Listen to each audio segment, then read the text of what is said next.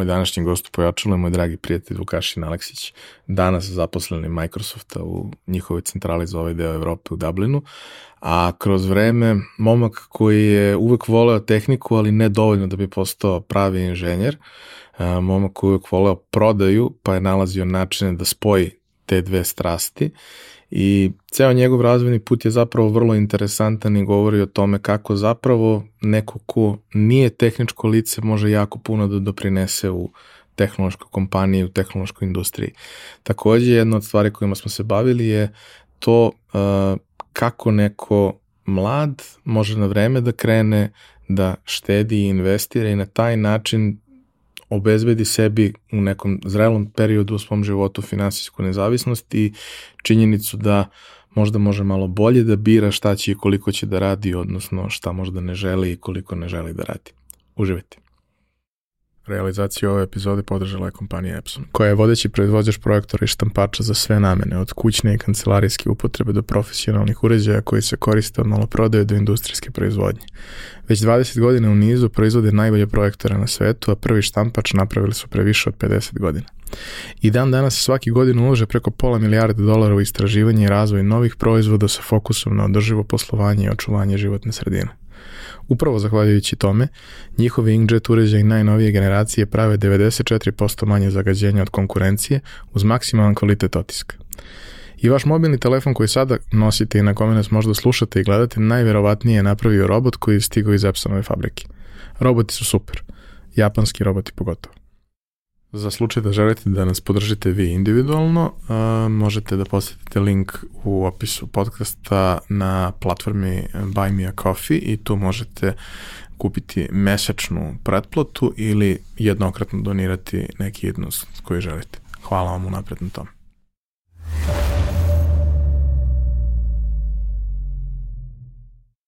Vukašine, dobrodošao. Ti si jedan od, od, od ono, uh, mladih ljudi, više nisi baš toliko mlad, ali dobro, dobro se držiš. Ovaj, jedan od mladih ljudi koje sam ja nekako u životu pokupio kroz, kroz vreme, uh, uglavnom kroz uh, prisustvo na raznim nekim studentskim događajima, konferencijama, slično. Uh, ti si sa fona, poznato je koliko ja volim fon.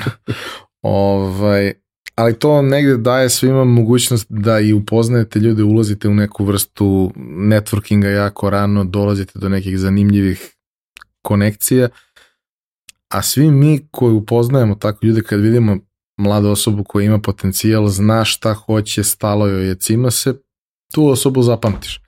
Ne vidimo se mi onoliko često koliko bi trebalo, mada jesmo malo u poslednje vreme ovaj, učestili te doručke, ali mm, ono, zvuči glupo, ali od prvog dana kad sam te upoznao, znao sam da će tebe da bude nešto. Šta? to sad još ostaje da se vidi. Ali mi je bilo mnogo drago ovaj, prateći tvoj put kako je to sve izgledalo, tako da dobrodošao. Hvala na, na pozivu. Čast mi je da, da budem deo ovog podcasta i da vidim ovaj uh, studio. Kaže, došao sam na mračnu stranu. Tako je, da, da, da. E sad, Srećom nije crni kauč ovde, ali... Za sad.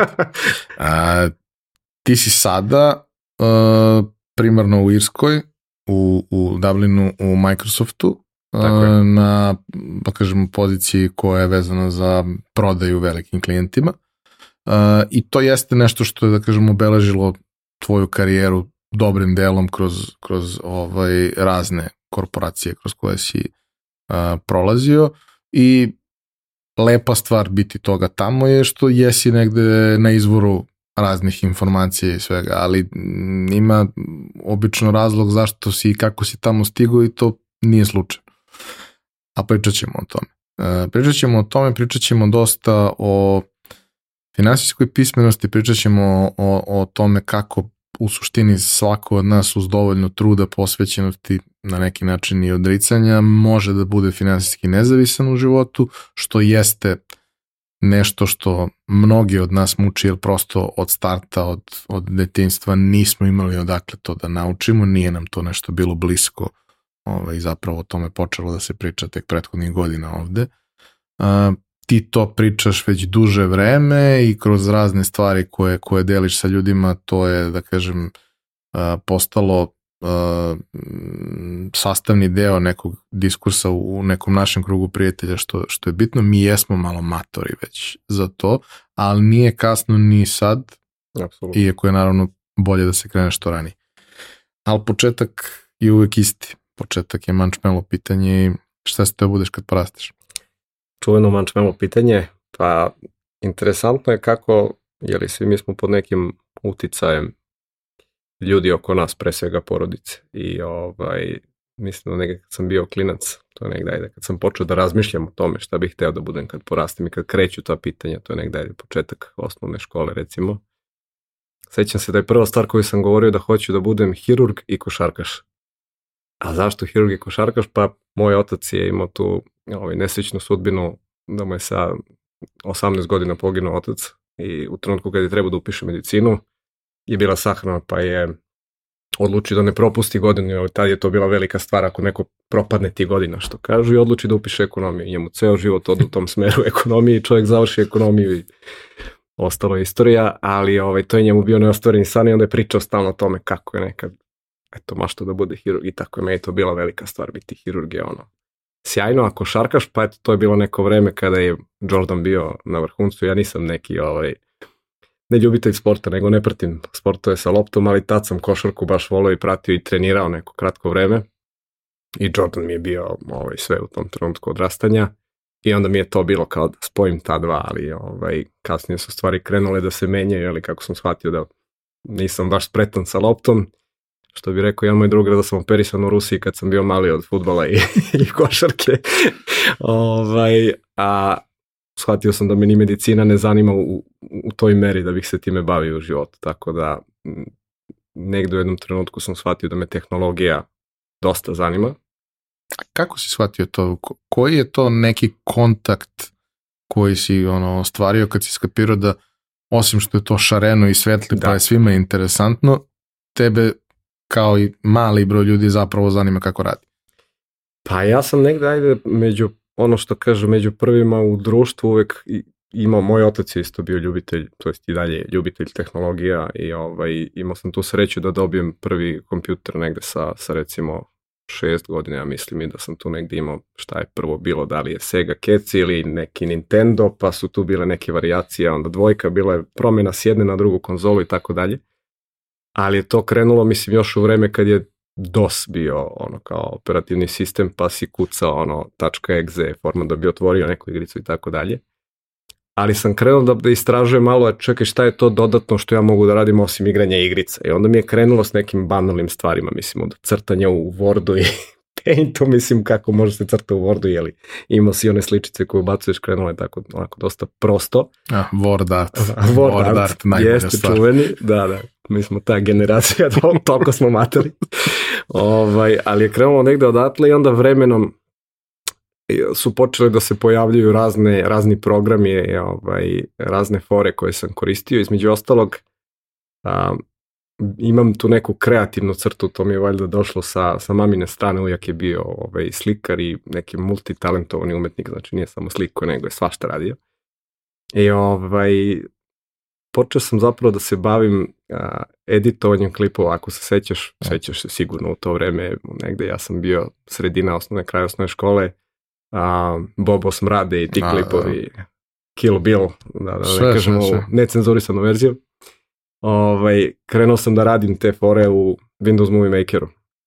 I onda je to bilo ljudima jako smešno, zanimljivo, ovaj, pa je nekako išlo u tom smeru da mi to daje neki diferencijator u odnosu na sve ostale, kako ja to umem super da radim i kako je to mega zanimljivo. I onda je meni to dao neki dodatni vetar u leđa, ej, ajde sad ovaj do ono.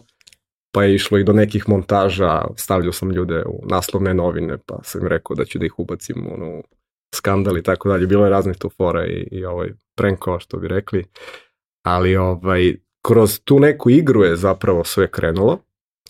A, i jeli, moju radoznalost, ja sad, moja sestra ima tri, ovaj, troje dece, čerku i dva sina i ovaj srednji, Mihajlo je neko ko rastura sve stvari po kući, ali tačno prepoznajem sebe u tome, jer sam ja voleo kad nema nikog u kući da otvorim taj kompjuter, da vadim memoriju i u nekim onako lošim varijantama da skidam procesor, pa nešto je tu lepljivo šta se desilo ovde i tako dalje.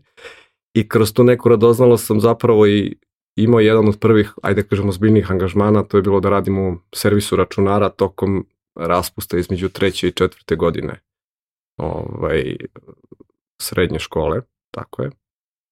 A, I eto, tu je, tu je da kažem, tu je bio neki prvi dodir, ajde sad to što ja volim, da krenem da radim nešto sa tim i sklapao sam računare u servisu, bio sam neki mali ono, šegrt, bez ikakve plate, ali to mi je otplatilo, mislim, Ćale mi je na kraju otplatio letovanje suštinski zbog tog mog angažmana. Sistemu, da. Tako je, svaki dan tokom celog raspusta od 9 do 5 ja idem tamo, radim, imam za klopu i na kraju ovaj, plaćam letovanje. Tako da nekako je tako lagano od, od neke ovaj, igre, pa onda šale, došlo do toga da to počinje da me zanima malo više i da shvatam da tu ima prostora da radim nešto što volim i da budem bližu, blizu tome i da, da zarađujem od toga što je negde super. Ja, mislim da smo mi možda tu negde taj kraj generacije, kraj 80-ih, da je to možda posljednja generacija onih klasičnih hobista koji su hteli da sastavljaju svoje računare i sve ostalo. Toga danas ima, naravno, mnogo. Da.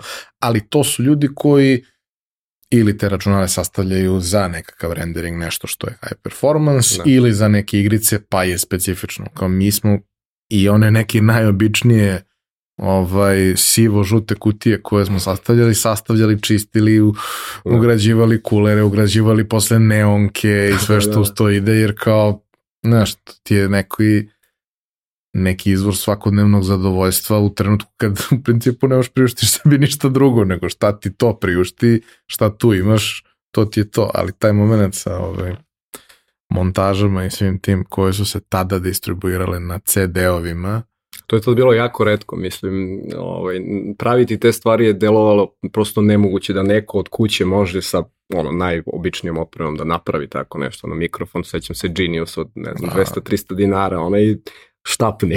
da, da, da. Ovaj, ali je ali bila fora, mislim, znaš, tako da, ovaj... Ne, ja se sećam, tad je bilo ekstremno redko da ti imaš nekog ko ima karticu koja možda grebuje snimak sa TV-a. Da, da, da, a mislim, treba ti sirovina od koje ćeš da montiraš, jel?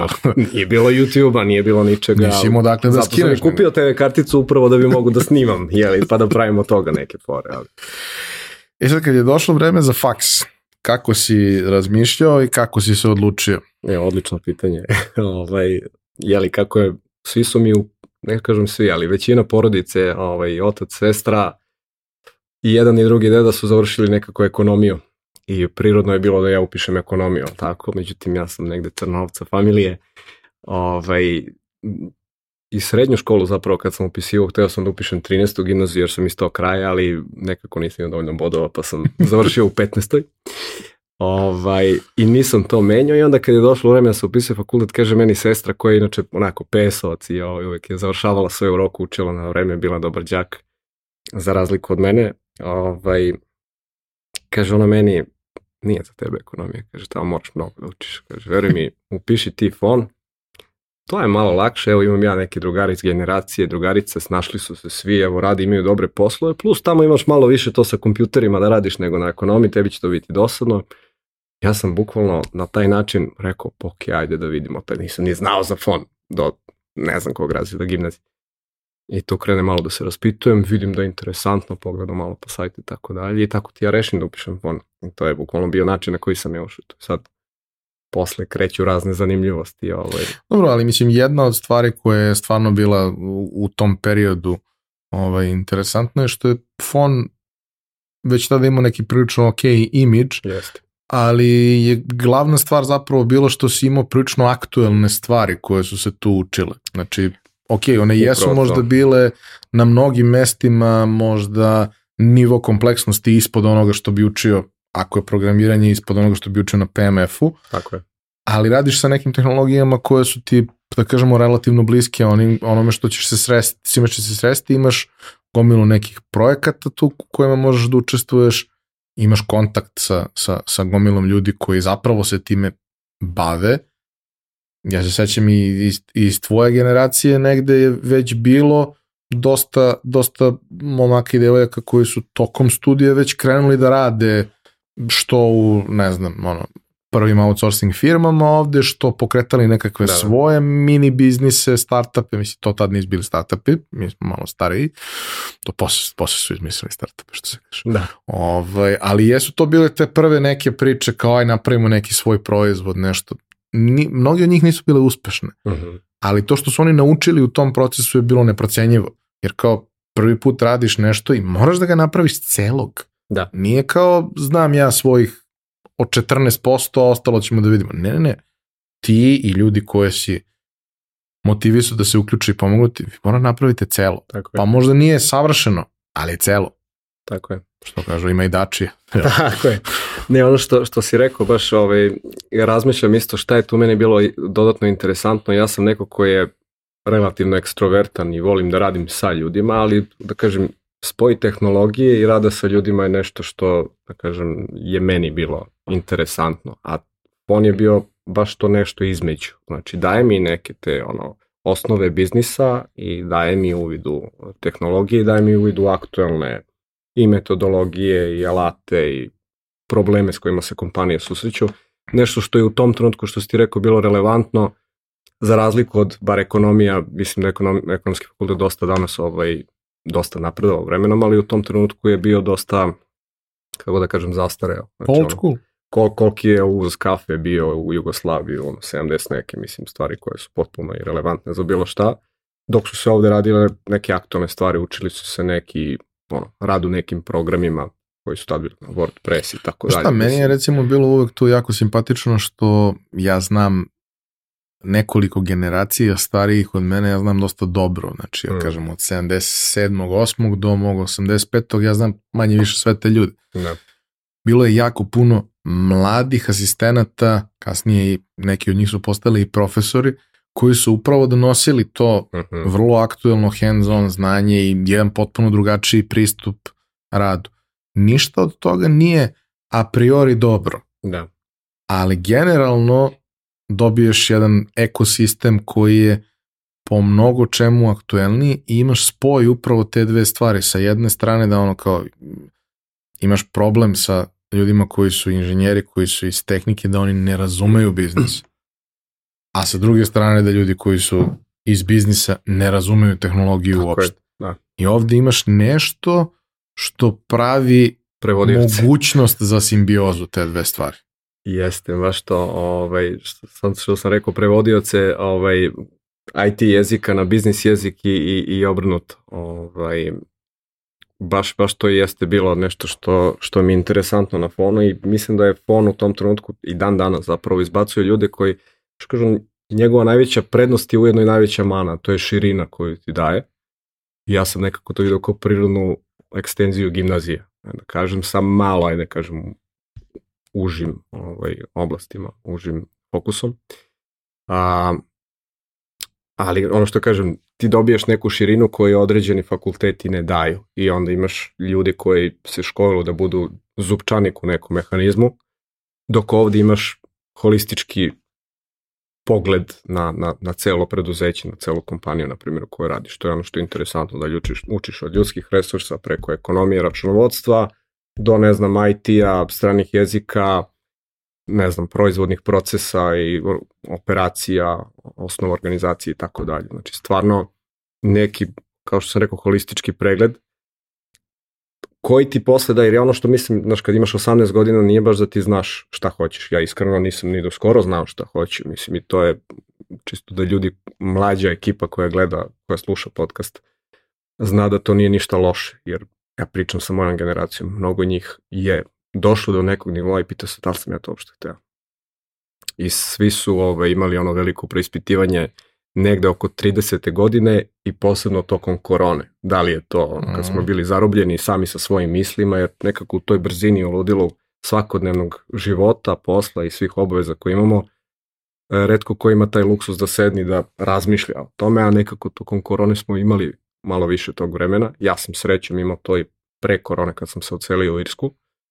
Ovaj, ali kao što kažem, font ti da negde dodatne čet, četiri, u mom slučaju malo više godina, da, ovaj, da se zapitaš u kom smeru želiš da ideš i kako želiš dalje da brusiš svoj dijamant. Ovaj. A imaš taj moment koji se, nažalost, velikom broju ljudi dešava, da uh, kada završe, uđu u nešto, dobiju priliku koja deluje dobro i ona jeste dobra jer ono, završio si i treba ti, treba ti novac, treba ti neki da. posao koji zvuči ok i ti uđeš negde i tu sve ide kako treba. I zato što sve ide kako treba i razvija se, ti ne razmišljaš o tome da li te to vodi tamo gde želiš da stigneš. Jer jednostavno ide nekom prirodnom progresijom i ti napreduješ da. i tek 5 godina, 7 godina kasnije kad si već prilično daleko od možda onoga gde si želeo da stigneš, ti shvatiš da to što radiš nije ono gde ti sebe vidiš dugoročno. A mnogo je teže napraviti sad ono, presek u 32. 35. došla deca, kredit za stan i reći, e, ja sad hoću da se vratim na nešto prethodno što mi se svidelo i kao spreman sam ponovo da radim za 500 evra, pa nisi spreman ponovo da radiš za 500 evra jer što bi rekao Kristijan Golubović, znaš ti kolike su moje režije. Ove, I to su neke stvari koje nažalost se, se mnogim ljudima desi. Korona jeste bila taj otrežnjujući moment za, za, za veliki broj ljudi koji su skapirali da žive neke tuđe živote koje u principu nisu izabrali nego im se desilo. Da. E sad, kad smo kod biranja i toga šta se ljudima desi i tako dalje, ti posle prvih dve godine na fonu treba da se opredeliš za smer. Zapravo posle prve u mojoj posle generaciji. Prve, posle bio. prve. Sada već odmah, ja mislim da mora da se... A, I šta su opcije i šta si ti odlučio i zašto si to odlučio? Pa opcije su u tom trenutku bile management, što kažu suvi klasični vanila management, a, operacioni management, a, upravljanje kvalitetom i informacioni sistemi tehnologije. I ja sam shvatio da ja nisam lik, kao, ja sam to tada percipirao da ćeš, ako upišeš IT, biti lik koji sedi i čuka na tastaturi i programira. Ja prosto sam shvatio da nisam baš, ja volim tehnologiju, ali kada je u, kažem, to neka sfera u kojoj se ja nalazim, ali više volim da radim sa ljudima i, i ovaj, onda sam shvatio da mi management pruža znanje koje mi je potrebno jeli, konkretnije znanje za taj rad sa ljudima, jer tu ima dosta onih, ajde kažem, ima i nekih metodologija ovaj, i trikova i, odnosno trikova, nego da kažem, sistema koji se koriste, ali imaš i mnogo nekih soft skill veština kroz koje prolaziš, koje učiš, koje su jako bitne za rad sa ljudima, da kažem, ključne. Ovaj, I da onda to spojim na takav način. Kao što imaš situaciju da, ne znam, sad imaš vrhunskog doktora, ali taj doktor ako treba da napravi sistem trebaju mu te veštine, jel tako, za, za formiranje takvog sistema i to je jako teško, jako komplikovano i tako dalje.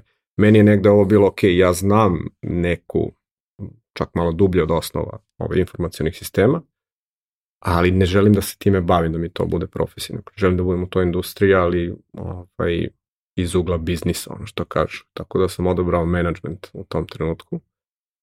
Iako je to delovalo opet malo neopredeljeno, ali opet dalo mi je dodatnog vremena i prostora. Kupio sam sebi vreme da razmišljam kako ću se dalje specijalizovati.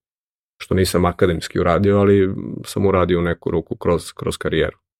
A kaži mi, cijelo to iskustvo, da kažem, studiranja i sve ono ostalo što donosi uh-huh. studentski život uh, na fonu, šta su ti bile neke najinteresantnije situacije, događaje i susreti, ko su ti bili neki ljudi koji su te da kažemo najviše inspirisali, motivisali da, da se u nekim oblastima dodatno usavršavaš ili da upoznaš neke stvari? Pa imao sam, ajde kažem, ja sam pao prvu godinu jer sam dosta neozbiljno shvatio fakultet, odnosno išao sam ritmom kojim sam išao kroz prethodno školovanje, a to je ono, završam se u poslednji čast, ali kad dođeš iz srednje gde imaš tri stranice, na fakultet gde imaš 300, 400, negde i 500, 600 stranica, onda shvatiš da to ne može baš da se uči veče pred ispit i da neće baš tako da funkcioniš. A s druge strane, u prvoj godini svi su, znači to je jedan novi teren gde ti nemaš, ono, počinješ od nule, počinješ iz meka, što kaže, krećeš sa, ono, nula kredibiliteta, nula reputacije, nula, neću kažem nula društva, imaš ti to neko društvo, ali to je jako malo. I gradiš novi svet oko sebe. I ja nekako se nisam, neću kažem nisam snašao, ali nije mi leglo društvo u početku u kom sam bio. Nismo, no, nije mi bilo ni od pomoći neki tako, malo sam bio nesnađen u celom tom novom svetu, što je dovelo do toga da ja padnem prvu godinu. ali ovaj, sam onda u sledećoj godini uh, naišao na drugara koji nije uspeo da upiše sa našom generacijom, pa je upisao sledeći, onda smo mi tu ponovo našli, da kažem, ovaj, u prvoj godini. I kroz, da kažem, sa njim i sa još nekim društvom tu okolo se stvorila neka ekipa koja je meni bila super i s kojom sam počeo da radim zajedno na nekim takmičenjima, projektima. Tu postoji ona, jedna od velikih prednosti Fona, jesu te studentske organizacije i taj preduzetnički duh koji postoji, koji je dodatno, ovaj, da kažem, dodatni katalizator su stvarno asistenti i profesori koji zaista rade ovaj, dosta na tome, ne samo iz ugla reklamiranja fakulteta, već zaista ono hands on, što bi ti rekao da, da pomognu ovaj, tim ljudima, da li spajući ih sa nekim kompanijama i ljudima iz, koji imaju iskustva ili svojim znanjem. Tako da, ovaj, pored, da kažem, tog društva koje se formiralo, počeli smo da učestvujemo i na nekim seminarima, konferencijama, takmičenjima. I jednom prilikom moj današnji kum, ovaj, Milan i dve drugarice koje, koje su bile, de, bili, bile deo te neke uže ekipe, mene nateraju da se prijevim na takmičenje koje se zvalo Case Study Show u organizaciji STM-a. I to je bio neki prvi onako skok a, gde ja sad onako imam ozbiljno takmičenje pred 200-300 ljudi, kamerama nekim i tako dalje i naša uža ekipa se pokazala dobro. Ove, imali smo ljude koji su nas spremali za to, ti ljudi su bili od velike ove, važnosti za, za neki moj razvoj i sama ta organizacija i sve što je radila organizacija STM konkretno je bilo od, od velike koristi za, za moj razvoj. Su doveli do toga da ja jeli, imam priliku koju sam iskoristio na pravi način gde sam dobio prvu svoju praksu, to je bilo negde već na drugoj godini fakulteta u Microsoftu. Tako je zapravo krenuo taj deo ovaj, karijere, malo ozbiljnije i tu sam imao i mentora koji je ovaj, Borko Kovačić, isto i dan danas u Microsoftu i dan danas mentor i prijatelj ovaj, koji mi je zaista pomogao da za ono što sam tada govorio, za tih nekih šest meseci prakse, ja sam imao osjećaj da sam naučio više nego ikad do tada u životu sve što sam radio, jer jednostavno sam bio ubačen u sistem gde se radi, ne, ne, ne teoretiše, već zaista radi dobija se neki proizvod tog rada. A kako izgleda kad, kada dođe klinac fakulteta koji je tu praktikant, što u principu vrlo često znači da si ga dobio, a nisi ga baš ni želeo, a mora da se ispoštuje, a svi treba da se osjećaju kao da imaju svoju svrhu da, i sve da. je super. Kažem, u praksi to često izgleda tako. Naravno, na pravim mestima to nije tako, da. ali nije lako ni napraviti to kako valje. Nisu ni svi koji dolaze podjednako motivisani, podjednako sposobni da preuzmu neku vrstu obaveza i sve. Ti si, siguran sam, ovaj, i njemu tada delovao kao neko ko će da se iscijema. Pa znaš kako to izgleda? Sad imaš dve stvari. Jedna je prakse koje su nametnute od strane sistema, a drugo su te prakse koje kreiraju ljudi zato što zaista i vide neku korist od toga, a i vraćaju, da kažem. Znači, to je dvosmerna ona ulica, što kažu. Te prakse koje su formalne, tipa u, u ne znam kakva je sad situacija, ali u, u jednom trenutku mog školovanja je bilo obavezno da imaš neku praksu, formalno da, da. i to je ono. Odeš, skupi se potpis i tako Jeste. dalje. Znači, budeš Radiš. tu, donesi kifle i tako ideš po burek.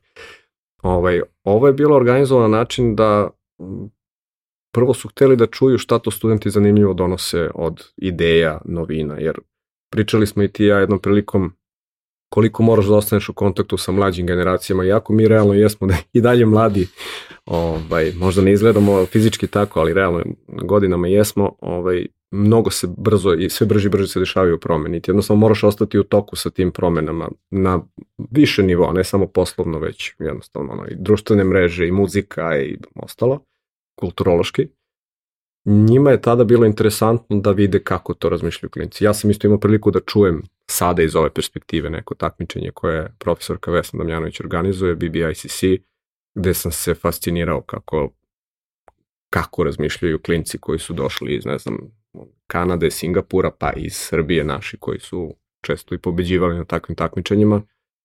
Tu zaista postoje jako dobre ideje i uh, ideje koje nekako su sveže, ono što kaže ti kad si u nekom sistemu počinješ da postaješ deo tog sistema i počinješ da ličiš na taj sistem i da razmišljaš kao taj sistem i onda ti treba nešto zaista sveže sa strane, a upravo to mogu da donesu ti klinci. I mi jesmo doneli tako neke kreativne, neke možda i lucidne ideje, ali ovaj, se to njima svidelo i treba je neko da im zapravo i fizički pomogne da se iznese određeni projekat. Njima je to značilo jer konkretno ovaj, Microsoft je tada u Srbiji ovaj, bio relativno mali ofis i radili smo na organizaciji Sinergije koja je te godine bila deseta jubilarna, mm. najveća regionalna IT konferencija i jednostavno svako ko je to organizovao je, to mu je bio dodatni posao na njihove obaveze koje jel, ima ih puno. I onda su došli da je, hajde da uključimo ove klince koji su donali te genijalne ideje i nama je to bila ogromna prilika, naravno da ćemo se truditi da damo svoj maksimum, ali uz nekako pravo usmeravanje, davanje vetra ove, što kažu u leđa i onako davanje nekih ukazivanja neke prečice kako nešto može efikasnije i pametnije da se uradi, ovaj, taj projekat je ispo sjajno i mislim da ovaj, tu je negde razlika što mi jesmo doneli neku vrednost i dobili smo neku priliku, mislim da to bila onako dobitna kombinacija za, za obe strane i na kraju dana za same učesnike konferencije što i jeste cilj i svrha bila. Mislim da, uh, iako sam bio možda dva puta na, na dve sinergije za 20 godina koliko postoji, mislim da mi je ono jedan, jedan od jačih uh, statementa i ono identifikacioni parametar za osobu kad vidim da nosi sinergija ranac. Jer jedno vreme, realno, od svih brendiranih rančeva koji su pravljeni, sinergija rančevi su bili sto nivoa iznad svega. Znači kao ono, možeš da kupiš bilo koji generički ranac i izvezeš na njemu, ali neko je tamo shvatio ne bi verovao koliko da smo taj ranac mora da kida. kad je bila ta jubilarna sinergija da to bude najbolji ranac do tada, jer smo upravo prepoznavali da je to nešto što... Ovaj, Znaš, što x puta se dešavalo da vidim čoveka, znamo se 100 godina i on 5 godina nosi isti ranac kao. I onda ti skapiraš, za, mislim, ne. naravno zašto je to tako, zašto je neko vodio računa o tim stvarima, zašto je bilo bitno, kao, ne možeš sad da potrošiš na, ne znam, ono, gift bag beskonačno da. para, ali možeš da potrošiš neku količinu, pa možeš da kupiš pet prosečnih stvari ili jednu stvar koja je fantastična. Tako. Prate, kupit ćemo jednu stvar koja je fantastična, tako. ljudima to treba. Da i mislim to je bio, bilo je čak i crno tržište sinergija rančeva, ali to sad nije važno, to su neke druge stvari. Uh, ali Time svakako... posle bavio antipajros i tim, verovatno. ovaj, svakako jedno vredno iskustvo, kažem, nismo, nisam na toj strani ovaj, već, već dugo, ali svakako jedno vredno iskustvo, jer generalno uh, meni isto recimo kroz, kroz stvari koje sam radio, posebno taj deo, da kažem, organizacije događaja, to je prvi put gde ti možeš da uvedeš neku mladu osobu koja ima želju da se pokaže i želju da se potrudi i u suštini ne mora da zna ništa. Da. Znači, nema sad nekakav fundu znanja koje mora da ima da bi mogla da radi. Ne, ne, ne, suštinski ne mora da zna skoro ništa. To što treba nauči, naučit će za jedan dan pripreme i to je to.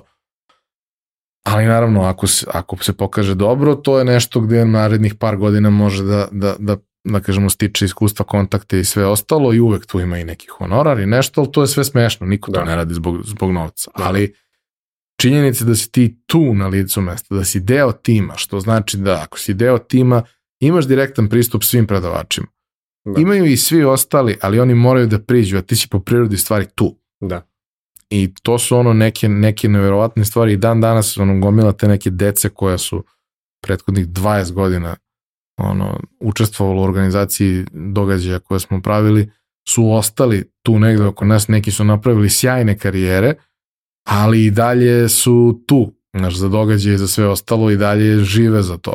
To je, mislim, nama bila prilika da, ovaj, mislim da su oni negdje u tom procesu izdvojili ljudi i prepoznali ko bi za koji segment ovaj, organizacije tog događaja bio dobar, gde su nas i pitali šta biste vi volili da radite. I da sam ja imao priliku da prvi put, ok, ajde da vidim šta bi ostalo, gde sam dobar, šta mi se sviđa, rekao ajde rad sa sponzorima i taj deo neke priče i to me nekako i usmiralo ka prodaj verovatno. Jer uvek si volao pa. Uvek sam volao da prodajem, da.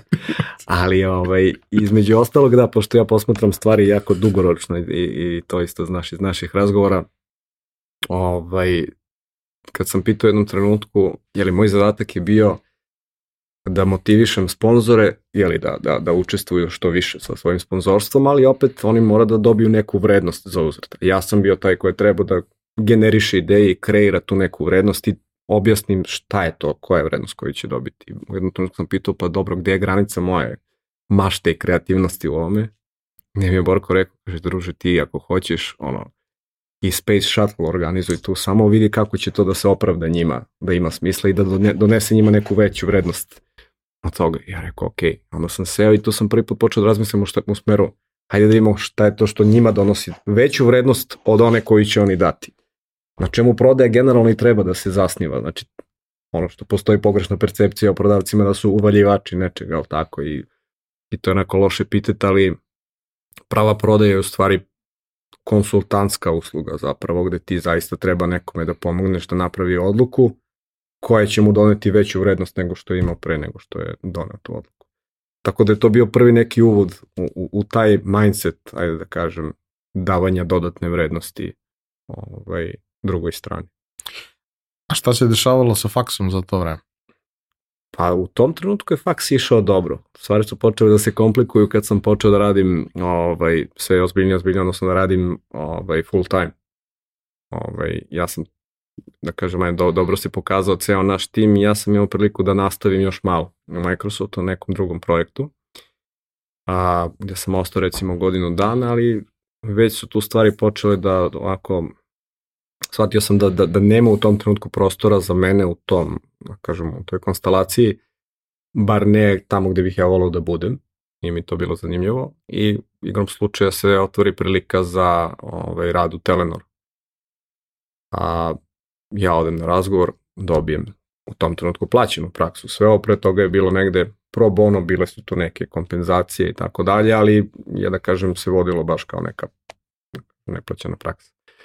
U Telenoru je baš bilo formalno senior praksa se zvala, ovaj, za studente treće i četvrte godine. Senior praksa senior zvuči praksa. kao da imate 65 da, da, da, da, da, zvuči, zvuči šašavo, ali deluje. Bila je junior praksa koja je bila otprilike ono letnja praksa, tri meseca, Aha. šest meseci, a senior je bila na godinu dana, ugovor o delu ili radu, zaboravio sam sad više koji tip, ali bilo je ono, plata, penziono, sve, tako.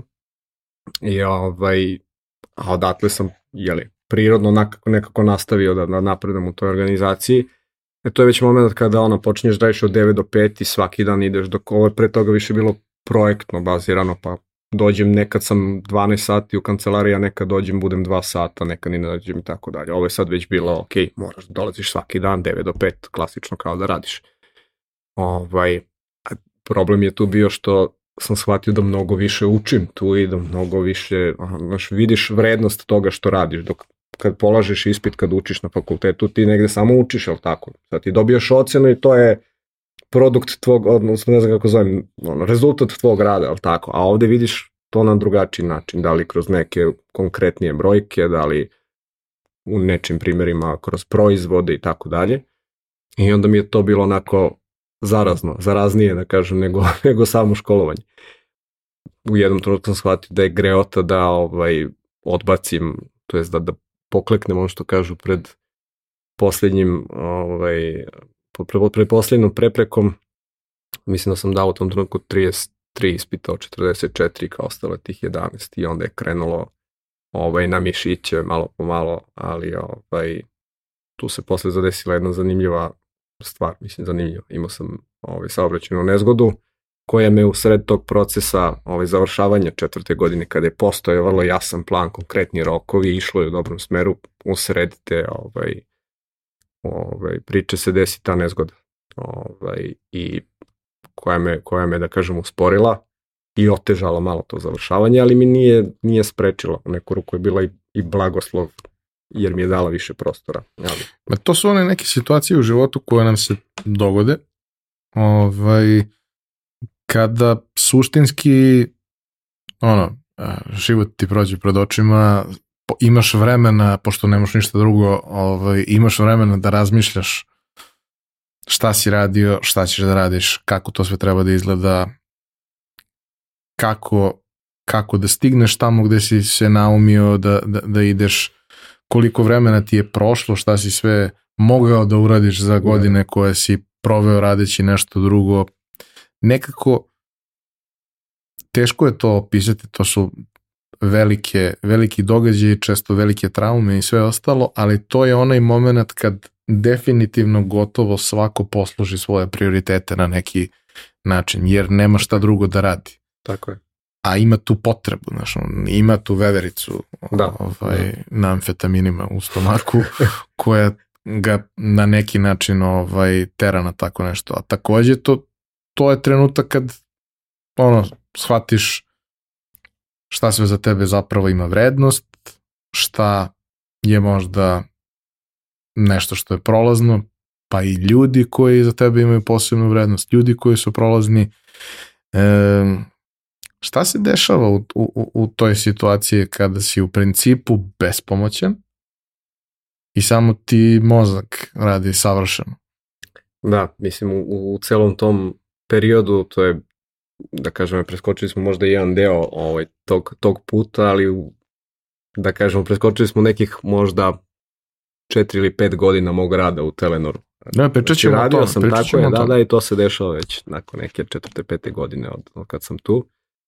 Ovaj, dolaziš situaciju što ti kažeš da imaš ja sam bio u bolnici mesec dana, onda sam bio sedam meseci ukupno na bolovanju i onako u, u, u stanju da imam dosta vremena da, da sedim sam sa sobom i da, da razmišljam o, o životu. Negde shvatiš da koliko se zapravo u toj brzini, tom ludilo koje sam pomenuo u nekom trenutku, a, ne razmišljaš o sebi, o svojim potrebama, o tome šta je to što ti zaista želiš. Da li da budeš, da li da radiš, da jednostavno ono, živiš e, život na način koji želiš, šta su ti uopšte prioriteti, oko čega se stresiraš. Ja sam shvatio da u, znaš, u tom trenutku i neke stvari za koje sam mislio da moraju da se završi do tog roka, ako se ne desi, bit će katastrofa, da ništa nije katastrofa i nekako se sve završi, nekako sve na kraju bude ok. Ono što kaže, da li to rekao Lennon ili ti ćeš znati vjerojatno bolje, ako nije kraj, ovaj, ako nije ok, onda nije, nije kraj. onda nije kraj, tako je. Tako da, ovaj, sve nekako se sredi, ispegla i bude ok, a ovaj, samo je pitanje da li si se ti stresirao oko nečega ili ne između ostalog, mislim, u celom tom ludilu. Ja sam imao i čir na želucu da nisam ni znao ko je perforirao pa prouzrokovao neke dodatne komplikacije, ali... Od stresa. Od stresa, tako je. Ali onda počneš da razmišljaš o tome čekaj, oko čega se ja stresiram. Danas mi ima, sutra me možda nema, da li će se ko setiti, da li je to nešto promenilo ili nije, samo je promenilo moj život i život ljudi koji vole meni i koje ja volim, ali znaš, da li koliko je to uticalo na, na ostatak sveta, verovatno ne mnogo ne mnogo koliko mi mislimo, jer znaš, često kad si mlad, ti misliš koliko si možda i bitan i koliko Ma, ovaj, su da tvoji da problemi da se vrt, da, sve vrti oko Cijela firma će da propadne ako tebe tako nema 7 dana. Tako je, tako je i onda shvatiš da to baš i nije tako i da su svi zamenjivi i da... I za 7 dana se niko neće sećati. I, apsolutno, tako je. Biće tu tuge malo, ali to sve prođe i teraj dalje, novi kvartal, nova godina, kako to već ide u, u velikim sistemom, ne samo korporativnim, nego i državnim i tako dalje. Tako da to mi je pomoglo malo da, da što kažu, ovaj, preraspodelim svoje prioritete bolje i da počnem više da mislim o nekim fundamentalnim stvarima, a to je jeli, zdravlje pre svega i sebe i svoje porodice i svojih bližnjih, ono što ja često govorim, znači ne samo fizičko i mentalno, jako bitan ovaj, deo toga i jako je bitno umeti da procesuiraš, to je da si nekde otvorenog uma i da, da si u stanju da shvataš sve te stvari kao lekciju, a ne kao zašto se ovo meni desilo i neku kaznu, tako. Ima fenomenalna knjiga, inače, koja se zove Mindset, dr. Karol Dweck, preporučujem Satya Nadella, CEO Microsofta, je inspirisan tom knjigom Transformisao ceo Microsoft, tako da ovaj, puno priča o tom i meni je bila korisna. Ovaj, koliko su te stvari bitne, znači to fizičko i mentalno zdravlje, jer ono što ja često kažem kao u avionu kad kažu prvo stavite masku sebi, a tek onda detetu, jeli ako sam sebi nisi u stanju da pomogneš, teško da ćeš drugom biti od koristi. Tako da ovaj, tu sam naučio da prvo moram da napravim, posložim stvari u svom životu, što bi Duško Radović rekao, ako hoćete da menjate svet, prvo popravite česmu u svom kupatilu, pa onda nastavite dalje a onda idite po nekim, tako, ovaj, koracima i fazama.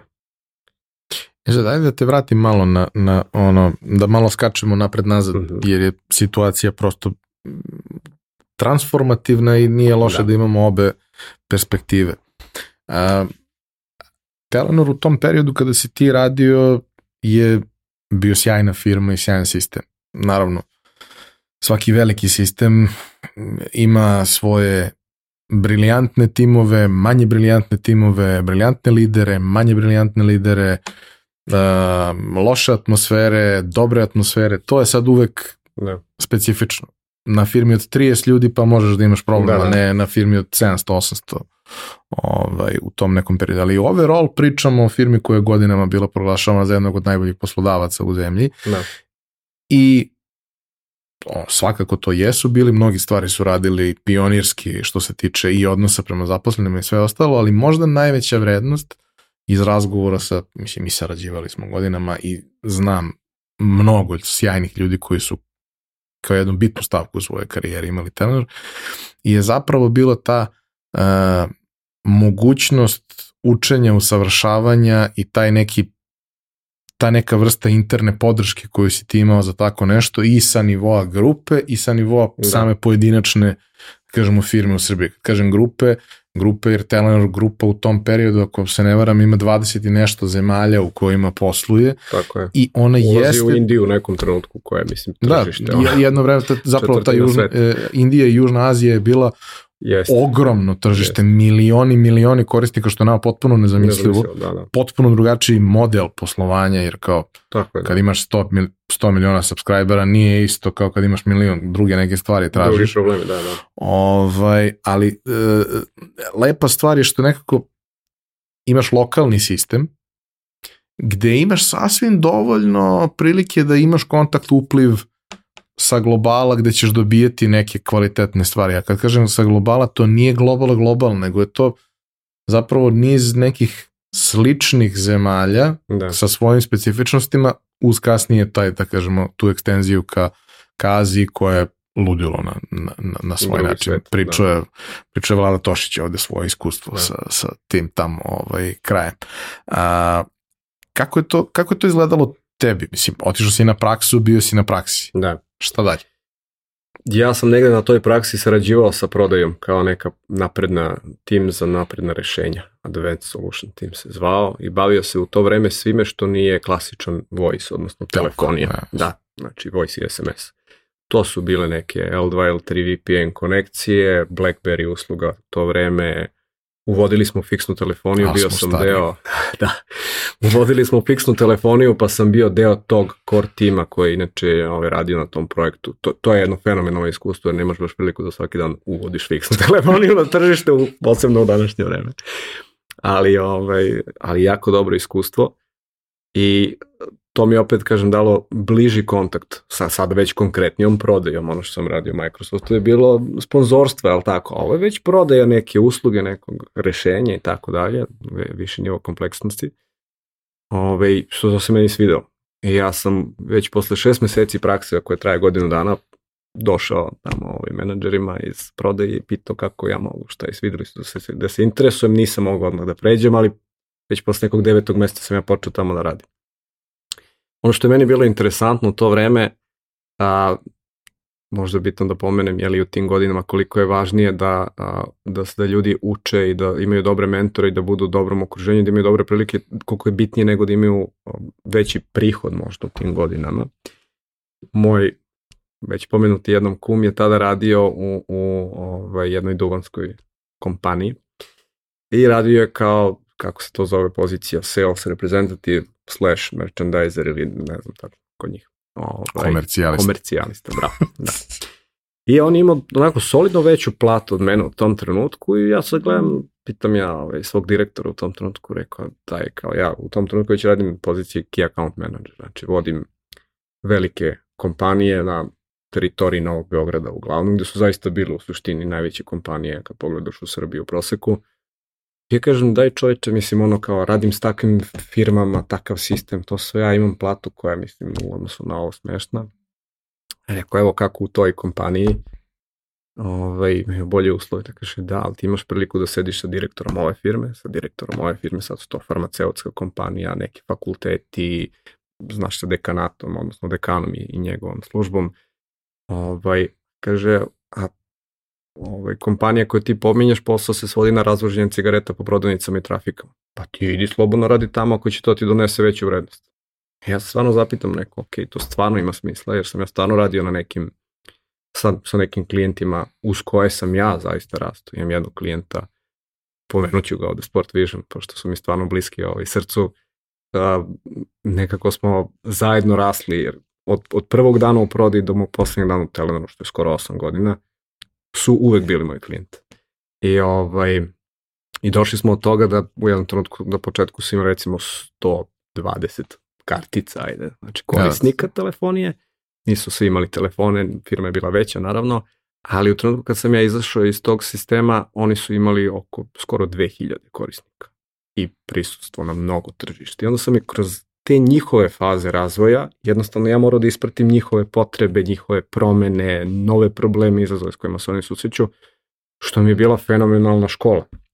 Ja sam i dan danas prijatelj, mislim sa tim ljudima i dalje smo u kontaktu i nastavljamo saradnje na, na raznim nekim nivoima i razmene znanja i iskustva, ali to je ta prilika koju ti takav jedan veliki sistem daje. Mislim da je to, na primjer, jedna od prednosti, ajde ako kažemo, sad im, što kažeš ima prednosti, a na prednosti je stvarno što imaš priliku da radiš sa nekim ozbiljnim kompanijama, ozbiljnim sistemima, na nekim ozbiljnim konkretnim problemima i sve to je deo jednog fenomenalnog izazova. Što reče jedan moj mentor do 35 da je to diskutabilno gde je granica, ali kaže nema uopšte da razmišljaš o, o lovi, nego razmišljaš gde možeš da ukradeš što više znanja i gde možeš da nađeš što bolje mentor. I stvarno negde mislim da je to tako. Sve se tu u nekom trenutku naplati, isplati, ovaj, ali ta vrednost se ne može dobiti tek tako na nekim drugim mestima. Više mogu ti otkrijem kao neko ko ima 37, sve što se pojavi novo posle 35 je bez veze. Odmah ti kažem. Znači, to, to ćeš shvatiti za godinu dve, ovaj, ali sve što se pojavi novo nakon da. 35, to je glupost. Da. Odmah daš. Ovaj, ali da, da, to jeste situacija da ti imaš mnogo zapravo prisniji odnos kad radiš veće klijente nego kad radiš gomilu malih. Da. Ima i to svoje, naravno. Absolutno. I jeste zanimljivo i dinamično je. To isto pitanje kako si ličnosti. Znaš, jer kad radiš, imaš, na primjer, timove ovaj, koji se bave segmentom manjih klijenata, ali jednostavno broj tih klijenata je dramatično veći. Ja sam vodio, na primjer, u trenutku kad sam u posljednjoj fazi, znači to što sam pomenuo key account, to je zapravo rad sa kompanijama, da kažem, srednje veličine ka većim, a na kraju svoje karijere, poslednje četiri godine u Telenoru, sam radio baš sa najvećim klijentima i tu sam imao nekih 15-20 kompanija, koje su onako baš ozbiljni, ogromni sistemi i taj pristup ono, prodajni konsultantski je totalno drugačiji nego kada imaš ono, targetiraš grupu od 20.000 korisnika. Jednostavno mnogo individualnije ti postaješ na neki način deo tog sistema, infiltriraš se na sve nivoje njihovog poslovanja, od njihovog core biznisa do naš, ciljeva i, i ono KPI-eva što kažu svake ovaj, svakog dela te organizacije da bi razumeo kako ti možeš njima da pomogneš da ono, oni budu uspešniji u tome što je njihov cilj. E, to je nešto što je meni, na primjer, bilo jako interesantno, mi postajemo partneri i moj uspeh se zapravo vezuje za njihov uspeh. Znači, ja sam smatrao da sam ja uspešan, ako njihov biznis šta god radili, biva uspešniji na, na ovom tržištu. I trudio sam se uvek da donesem tu vrednost i te neke uvide i znanje koje će njima pomoći da neku promenu naprave, neki ili pivot ili kompletan, ne znam, shift, da bi, ovaj, da bi zaista generisao tu, tu, tu dodatnu vrednost. E sad, kad se desila nezgoda i kad si ono, izmešten iz svog mm -hmm. dotadašnjeg života na period od 7 meseci, šta, pričao si šta, kako si razmišljao, ali šta su konkretne stvari koje su se desile i ko promene koje si napravio?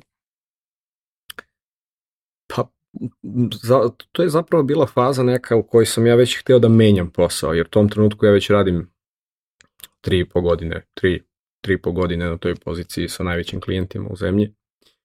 Ovaj, ne nužno najvećim, ali neki su bili od strateške važnosti, ali neki su bili zaista ogromni sistemi.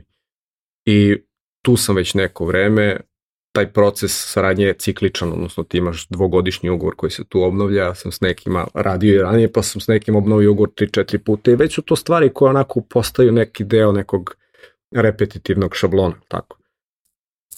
I nekako ponestalo izazova. Ja sam osetio da sa, što kažu, sa 20% gasa pravim 80% rezultata. Drugo, shvatio sam da sama industrija je postala takva da, da ti prodaješ nešto što je commodity, nisam siguran kako bih to preveo, ali recimo kao struje i voda. Znači ne donosiš neku spektakularnu transformativnu vrednost, već pružaš neku osnovnu infrastrukturu za funkcionisanje tih sistema. Što meni nije bilo više zanimljivo, jer mi je, o, da kažem, i moju poziciju je umanjivalo, sad daću konkretan primer, meni je u ugovoru stajalo da ja moram da imam kontakt, odnos i saradnju sa top managementom mojih klijenata. Ali ja nisam bio u mogućnosti da sednem sa, ne znam, Miroslavom Miškovićem na kafu, na primjer, i da pričamo o mobilnom telefonu, jer je to kao da neko ko prodaje struju dođe i priča, mislim, šta tu ima se priča, daj mi karticu, imam internet, imam, to je to. Ovaj, u tom momentu sam ja taj deo premostio time što sam se učlanio u Srpsku asocijaciju menadžmenta, što mi je otvorilo neka dodatna vrata, dodatne prilike za razgovore, kontakte i tako dalje. To je bila jedna od, od ove super stvari. Pričat ćemo možda posle o tome i, i mentorski program kroz, ovaj, kroz Srpsku asocijaciju menadžmenta, Srpsku asocijaciju menadžera koji mi pruži dodatna znanja, znači ne samo kontakte, već zaista mene podigo kao profesionalca na, na jedan viši nivo.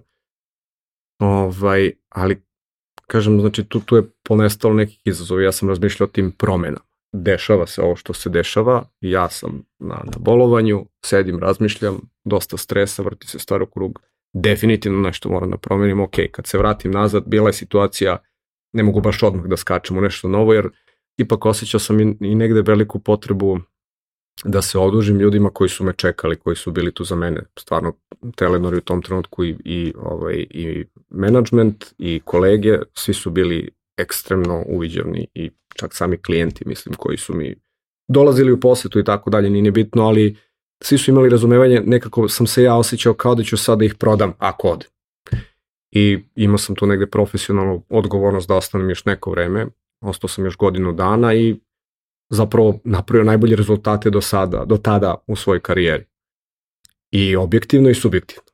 I najbolje sam se osjećao no ikad ono, u tom trenutku, jer sam ja napravio taj neki shift u glavi šta je bitno, šta je prioritet, oko čega ne treba da gubim vreme, šta mogu da delegiram, šta mogu da ostavim za kasnije, na što treba da se fokusiram. Znači jednostavno preusmjeravanje tih prioriteta. Ovaj, E, u tom trenutku ja kako sam razmišljao, jedna od stvari koja me kopkala jeste i bila ovaj, taj neki rad u inostranstvu. Jer, jeli, kao kad si mlad, izađeš sa faksa i sad kako ti da znaš kako se napreduje, kako se postaje uspešan, čemu god. Pa gledaš neke koji su već uspešni, kakav je njihov razvojni put bio, upravo zato i volim, mislim, i ove podcaste i takve stvari, jer imaš priliku da čuješ to od, od takvih ljudi. I nešto što sam primetio baš na sajtu Telenora gde je tamo ono, management, pa sad ko je na koje pozicije, vidio sam da je svako njih u nekom trenutku svog života bio negde u inostranstvu. Ili je studirao u inostranstvu, ili je imao deo svoje karijere tamo. I se ja sam razmišljao, ok, apsolutno ima smisla, više je prilika, drugačiji su izazovi, druga tržišta, ne samo profesionalno, poslovno, već se susrećeš onako sa nekim životnim izazovima, promenama, pitanjima i tako dalje. I to mi negde stajalo kao voleo bih, ali nisam bio toliko proaktivan desi se jedna prilika, a, konkretno kompanija Apple me je kontaktirala. Ja sam prvo mislio da je, da je neka sprdnja, jer mi je na LinkedInu prišla žena koja je rekla za pozicije za poslu ništa konkretno, pošaljite CV, ja rekao, ok, mislim, ko, ko ste vi? I šalje mi kao opis radnog mesta i piše Apple Distribution International. Ja sad gledam, rekao, ok, šta je ovo, rekao, možda neki iStyle u Mađarskoj, mislim, tak neka varijanta. Krenem ja malo da googlam ispostavi se Apple. I stvarno na Apple-om sajtu ta pozicija je otvorena. I ja se odušim, ja krenem po razgovori s njima, prvi, drugi, treći, četvrti, to već dođe u fazu da mi malte ne pregovaramo oko zatvaranja cele priče, a pozicija je u Mađarskoj. I ja već sebe vidim tamo, ja vidim bolje uslove, ja vidim bliz, sve mi je bilo, sve mi je zvučalo super. Budimpešta, tu je kolima, par sati, imam službeni auto, mogu da dođem kad hoću, eto to iskustvo iz inostranstva, druga kompanija, druga industrija, Apple, mislim, ono, kao jedna od top pet kompanija, vratno svima koji, koji su u tehnološkoj industriji da bi volili da, da, da radi, probaju šta god. I stiže vest da, nažalost, ovaj, odlučili su za drugog kandidata i meni se odjednom, onako, sve mi se ruši, ali ostaje taj osjećaj, ja više ne mogu da budem ovde, ja sam se mentalno već izmestio negde van, što ono, nema, nema nazad. I ja sad u tom trenutku gledam šta ću, ja nešto aplicirao kao na LinkedInu, Dubai, ovamo, namo, Vodafone, neko, ajde, gde je to nešto gde postoji neki zajednički sadržalac između mog iskustva, interesovanja i vrednosti koje mogu da donesem.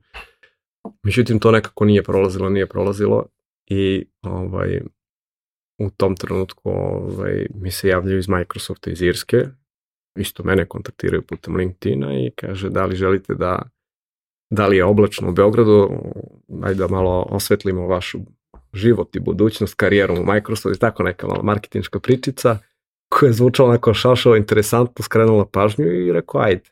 E sad jedna zanimljiva stvar koja se tu dešava, ja u tom trenutku imam CV koji je onako Frankensteinovski uh, dodavano na njega posljednjih deset godina. Znači to je zapravo CV s kojim sam ja aplicirao na onu na ono takmičenje da učestvujem, pa je on menjao nekako svoj oblik vremenom. Ali ovaj, sam shvatio da ipak vreme za takvu priliku da pošaljem malo ovaj, lepši CV. u najmanju ruku lepši. I ja rekao, sad ću, sutra ću krenem ja to da nešto kao sad, pa ne, ne prokrastinacija, ovamo, namo. I, ovaj, I sad već prolazi vreme u jednom trenutku prođu dve nedelje. Ja kažem sebi, sad da pošalješ CV pa gore nego da ga nisi poslao uopšte. I ja tu nisam odustao, odustao sam od te pozicije misleći, ok, verovatno ja tu ne bi prošao, bit će prilike, ali aj ti sad sedi uradi taj CV, pa kad se sledeći put ukaže ta prilika, ti onda da budeš spreman. Međutim, javlja se opet ista žena i kaže, e, imamo nešto možda malo drugačije, ali verovatno tebi još zanimljivije obzirom na tvoje iskustvo, ajde da se čujemo. Rekao, ajde, CV je bio spreman u roku od odmah. Ovaj, čujemo se mi, kreće ta priča polako. Ovaj, isto kao za Apple, znači razvoj je išao tako da, da on, ide, ide, ali ja sam već nekako, nisam po svojoj prirodi defetista i nisam neko ko je pesimista, već sam ono, optimista, ali sam limitirao ovde svoj optimizam i bio otprilike, ako se desi, desi se, ako ne, bit će nečega, ok, dešavaju se stvari, očigledno ide u dobrom smeru, samo je pitanje trenutka i dobijem poziv u jednom trenutku sa informacijom čestitamo, dobili ste, ovaj, dobit ćete ponudu za posao i tako dalje i to je onda moment kada shvataš wow, ok, ja stvarno sad moram da se selim i da menjam ceo svoj život. Mislim, kao razmišljaš A iz Dublina ne može kolima. A iz Dublina ne može kolima. Sad je to bilo, ja sam onako grlom u jagode ili glavom tamo gde niko nije smeo nogom, kako god to hoćeš da kažeš, ali znaš, nekako si ono, zaleteo si se u nešto, je to onaj moment koji često spomenem ljudima nekim mlađim od sebe, kad si u nekoj zoni komfora, ja stvarno imam moment kao kad si na nekoj skakaonici, ono, od 5 metara, znači samo skoči i onda nema nazad. E, ja sam se tu osjetio, ja sam sad skočio i sad nema nazad, nekako ja već sebi ne mogu više da dozvolim da kažem, ja ipak, znate, možda ne bih predomislio sam se. E, ovaj, malo sam pregovarao tu i dođemo do, do neke zadovoljavajuće ponude za obe strane i, i onda kreće taj moment ok, ide promena svega. Druga zemlja, govori se drugim jezikom konstantno, znači sve vreme na engleskom pričaš. Druga industrija, druga kompanija, onaj moment koji sam pomenuo na početku fakulteta, koji se desi uglavnom i kad pređeš u srednju školu, posebno kao ja što sam prešao u srednju koja uopšte nije u mom kraju, nego nekom drugom, ti gradiš svoj imidž, svoj kredibilitet, sve gradiš od nule. Ti si tamo, niko i ništa. Znaš, ti, ja sam u, u Telenoru radio 8 godina i kad kažu Vukašin iz Telenora, to se već znalo ko je i imaš neku reputaciju, čak i ako nisi sarađivao, na primjer, s nekim u firmi, vidite se prvi put već znao otprilike ko si i tako dalje. Ovde si niko i ništa i sad ti krećeš od, od neke nule. Ovaj, tako da ta ono, psihička priprema za sve to i mogu reći da, da ovaj, nije uopšte toliko strašno koliko deluje, Naravno, postoji gomila izazova i naravno postoji gomila stvari koje nisi ni predvideo da će se desiti, ali ja nekako u svom planiranju, pa dotaći ćemo se i toga i tih finansijskih ovaj, ne, nezavisnosti i stabilnosti i ostalog, ovaj, uvek idem nekom a, konzervativni, konzervativnijom metodom predviđanja šta može da se desi. Pa sam razmišljao, ok, ajde, šta je najgore što može da se desiti? Najgore što može da se desiti da odem tamo, budem neko vreme, shvatim da to nije to ili da oni mene otpuste, ono, najgore, najgore slučaju, šta se desilo, ja sam dobio neke pare za selitbu, zaradio sam par nekih dobrih plata, vratit ću se ovde, imam klijente koji me vole, s kojima toliko godina radim, ja sam već imao u Telenoru ponude da pređem kod svojih korisnika, da radim za njih, ali, ovaj, ali to nikad nisam ovaj, radio. I bio sam uzmano, ok, imaćeš neki par, imaćeš iskustvo, radio si u velikoj svetskoj firmi, u njihovoj centrali za Evropu, Afriku i Bliski istok i to je najgore što može se desiti. Sledeća najgora stvar je da budem neko vreme, ali sam ja sebi zacrtao, ajde minimum godinu dana budem tamo, idealno dve, sve preko toga, kako bude, vidjet ćemo kako me put bude vodio. Ovaj, I eto, mene skoro pet godina. A kako izgleda bi se odlazak tamo? To je, da kažemo, trenutak e, manje više tih, recimo 5-6 godina unazad, 7, je trenutak kada je gomila ljudi odavde dobila priliku da makar poseti uh mhm. -huh. E, Dublin zbog toga što je to dosta centrala -huh. ovaj, i ne znam Googlea i Facebooka i tako dalje, svih onih koji su bili na neki način prisutni na ovom tržištu, pa ljudi iz industrije koji su sa njima sarađivali, dobili su prilike da ode da upoznaju, da vide kako to sve izgleda i naravno svi su bili puni nekih utisaka jer to nije nije slično ničemu drugom što si video ne. i generalno ta cela postavka u kojoj ti imaš jednu vrlo tradicionalnu old school zemlju uh mhm. -huh. koja je u periodu od 20 godina napravila potpuno revoluciju tako što je da. ono jednim malo drugačijim pristupom porezu i, i da, oporezivanju da. privukla toliko velike kompanije tamo i samim tim ogromnu količinu talenta i mladih, neverovatnih ljudi Ovaj, sve to zajedno je jedan jako čudan koktel. Da. Ovaj, a pošto tebi prethodna ideja bila Budimpešta, ovaj, kako izgleda kada dođeš u Dublin? Pa, bio je onako blagi kulturološki šok, jer ja nikad nisam bio u, u, u Velikoj Britaniji ili da kažem zemljama pod uticajem Velike Britanije. Ovaj, pre toga bio sam u većem delu Evrope u tom trenutku, nekom malom, da kažem, malo u Africi i tako dalje, ali to je nešto što je meni bilo potpuno drugačije od same arhitekture, kulture, ponašanje ljudi, komunikacije. Pritom to je sad što je interesantno, mislim, ti si tamo, konkretno mi u Microsoftu imamo, ja mislim, da li 72 ili malo više nacionalnosti u jednoj zgradi.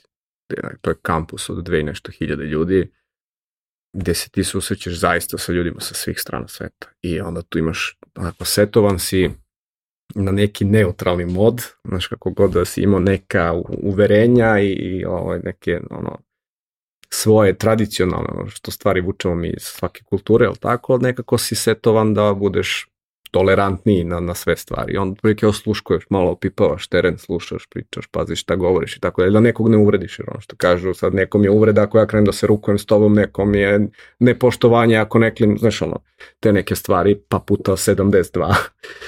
ovaj, jer kažem, tu su ljudi ne samo iz tog dela sveta Evrope, već cela Afrika, ceo Bliski istok, pa imaš ljudi koji su dolazili iz Azije, pa imaš ljudi koji su dolazili iz Amerike, iz Australije, ceo svet.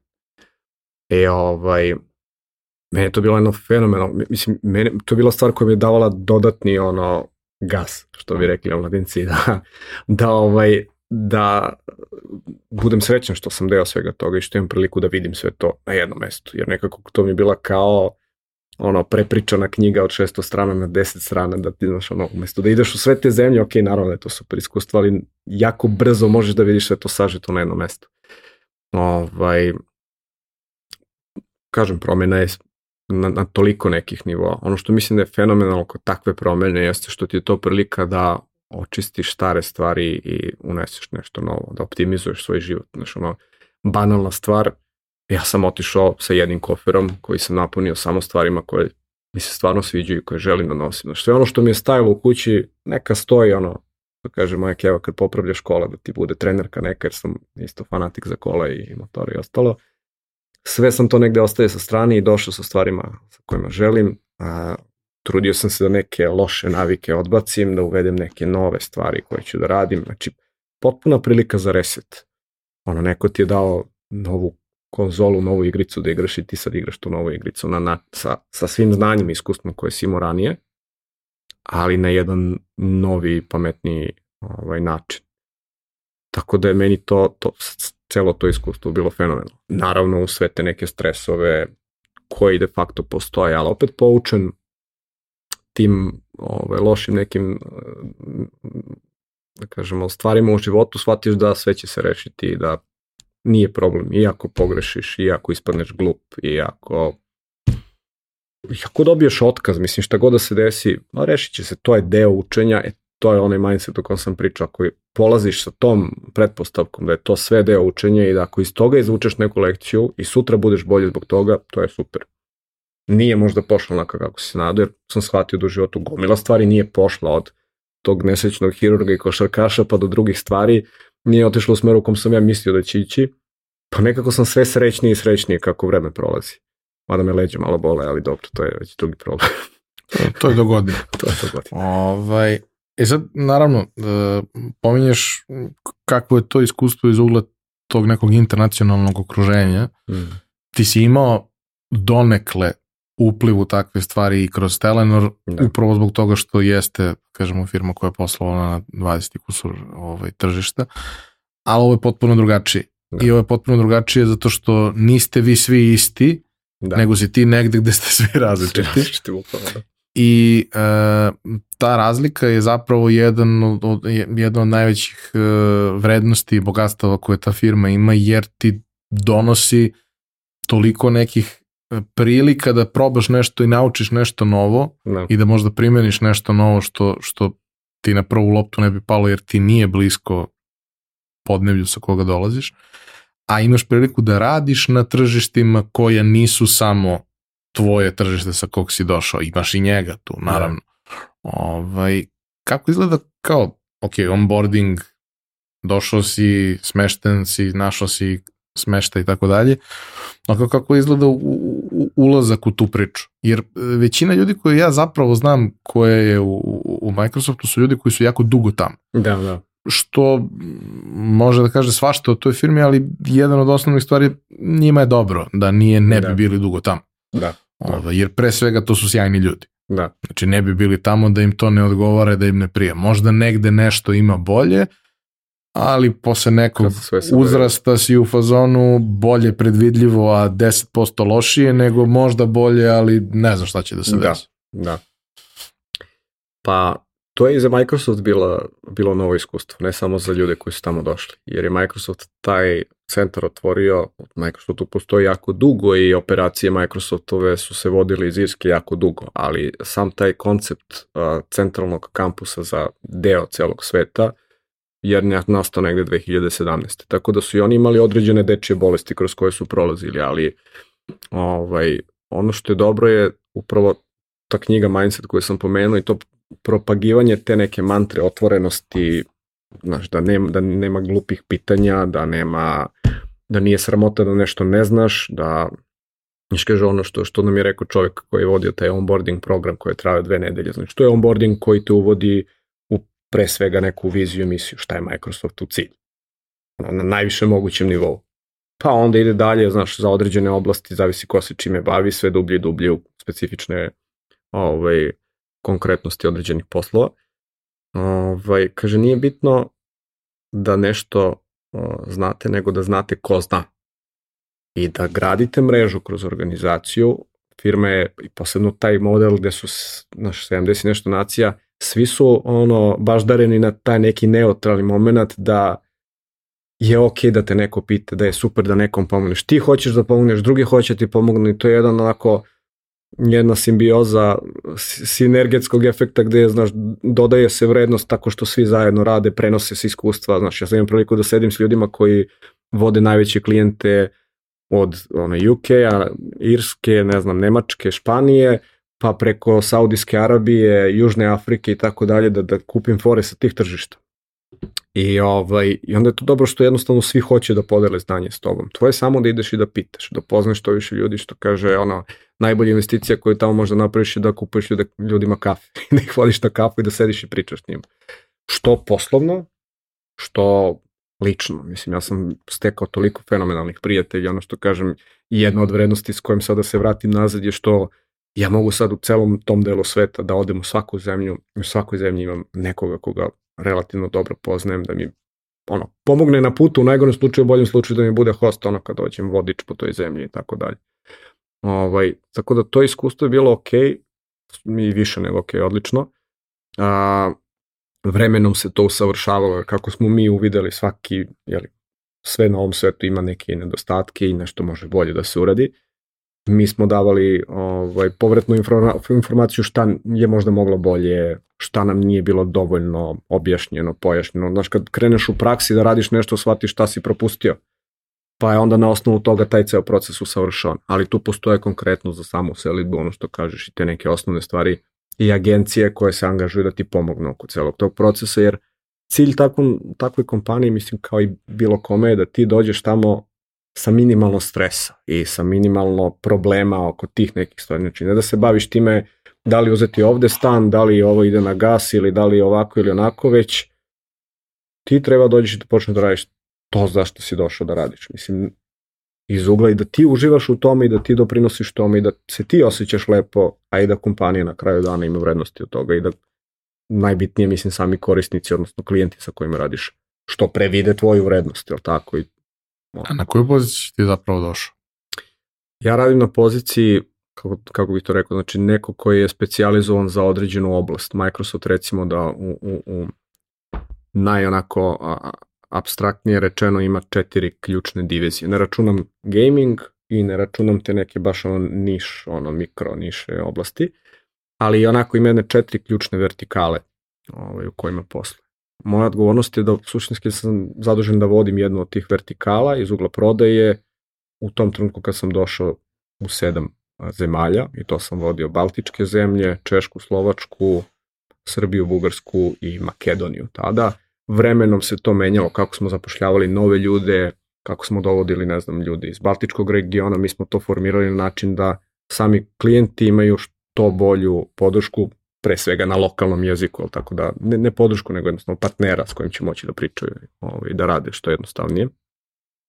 Tako da moja negde odgovornost jeste da sa tim velikim kompanijama da suštinski vodim te projekte. Kad kažem iz prode nije stvar da opet vraćamo se na ono da im ja nešto prodam odatle da to jeste a, rezultat našeg rada, ali a, uspeh našeg rada se meri u tome da su oni napravili ovaj, nešto bolje sa svojim poslovanjem nego što je to bilo pre, nego što su kupili neku od naših usluga. Znači, ja konkretno vodim deo vezan za kolaboraciju, čuveni Teams koji je ono, posebno eksplodirao tokom korone jer je ogromna potreba za takvim uslugama bila ovaj, Office 365, cyber security, compliance, to su neke stvari koje postaju onako ozbiljan strateški izazov kompanijama i sam security, jeli zaštita podataka i, i taj neki deo.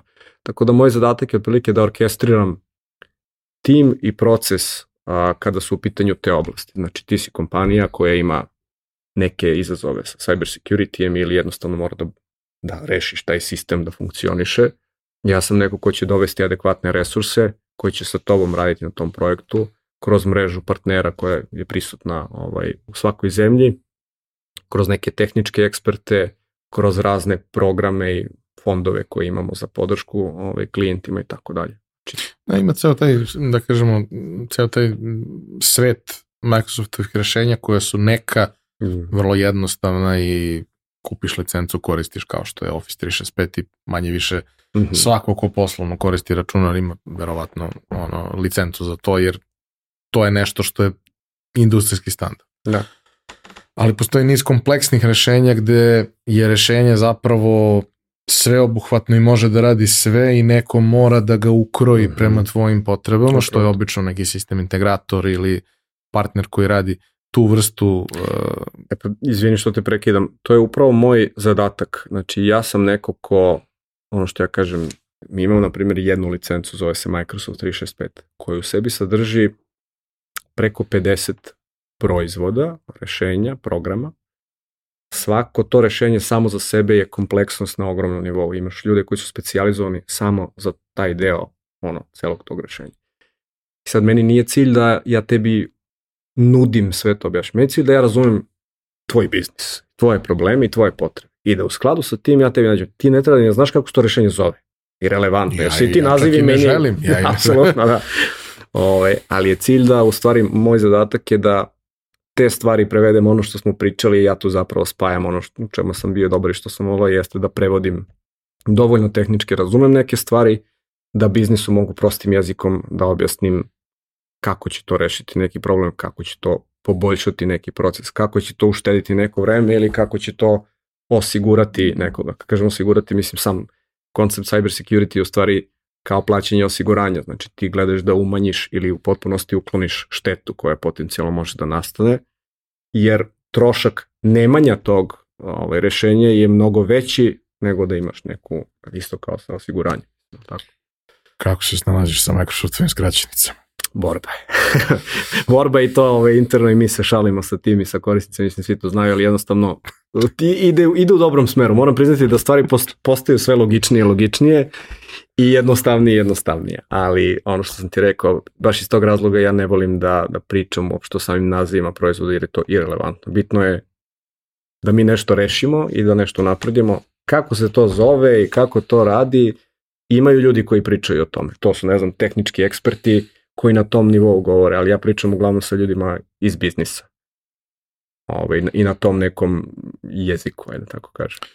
E sad, pomenuo si COVID, mislim, pomenuo si Teams. Mnogi ljudi znaju da Teams nije u top 1000 alata koje čovjek može da koristi kada sam ja u pitanju, ali dobro.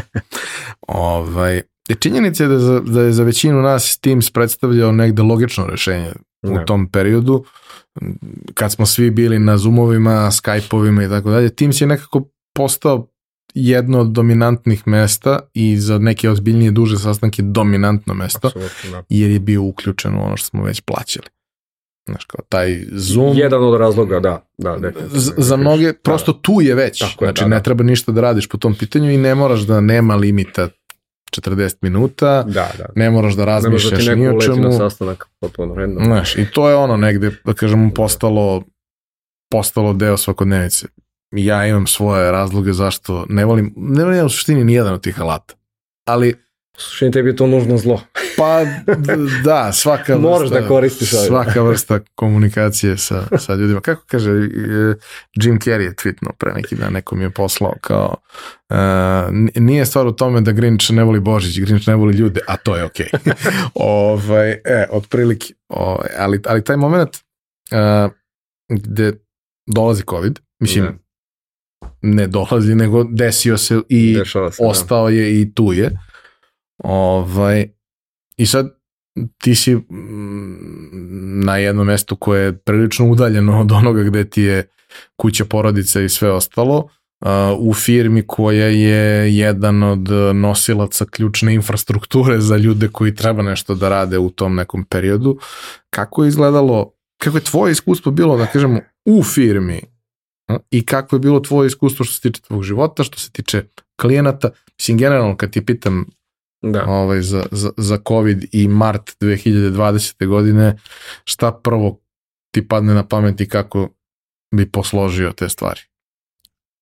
Pa prvo, mislim, poslovno gledano nastaje jedno opšte ludilo gde imaš, e, znaš, postojali su kompanije koje su lideri, tehnološki lideri, inovatori na tržištu i koje jednostavno su već bile, ako ništa tehnološki spremne, ovaj, za, za takav scenario rada od kuće s udaljenih lokacija i tako dalje. Znači, samo su ljudi jedno malo više počeli da koriste te alate nego što do juče radili.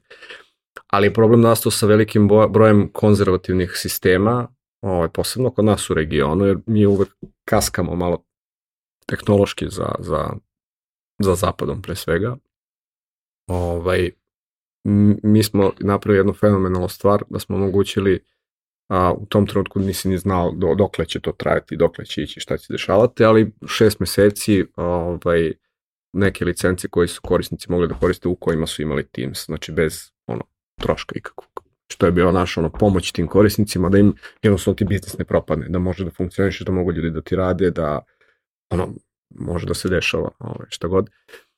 I tu je bilo dosta, dosta turbulentno u smislu mi više nismo imali pojem o tome koje je naše radno vreme, jer ti odjednom, znaš, treba da osposobiš neku tamo fabriku u, ono, u Srbiji, u Hrvatskoj, Bosni, da odjednom ti ljudi sad rade, oni, oni za, za početak proceduralno i procesno nemaju to rešeno, a tehnološki još i najmanje pojem ti instaliraš Teams i pustiš ga svima, znaš, sad treba svoje procese i ostale stvari da prilagodi. Mi smo tu radili dosta sa, ono, managementom tih, na managementom tih kompanija i sa IT-em i sa partnerima da što pre osposobimo njih, ono što kaže da ih postavimo na noge da mogu da funkcionišu, a onda ono što kaže ovaj jedna moja bivša ovaj, menadžerka kaže we are building the plane while we are flying it. Znači, to je taj model, ono, znači, dok, dok smo leteli, mi smo sastavljali krila, otprilike na tom avion, neko te baci ono s neba i sad ajde, vozi.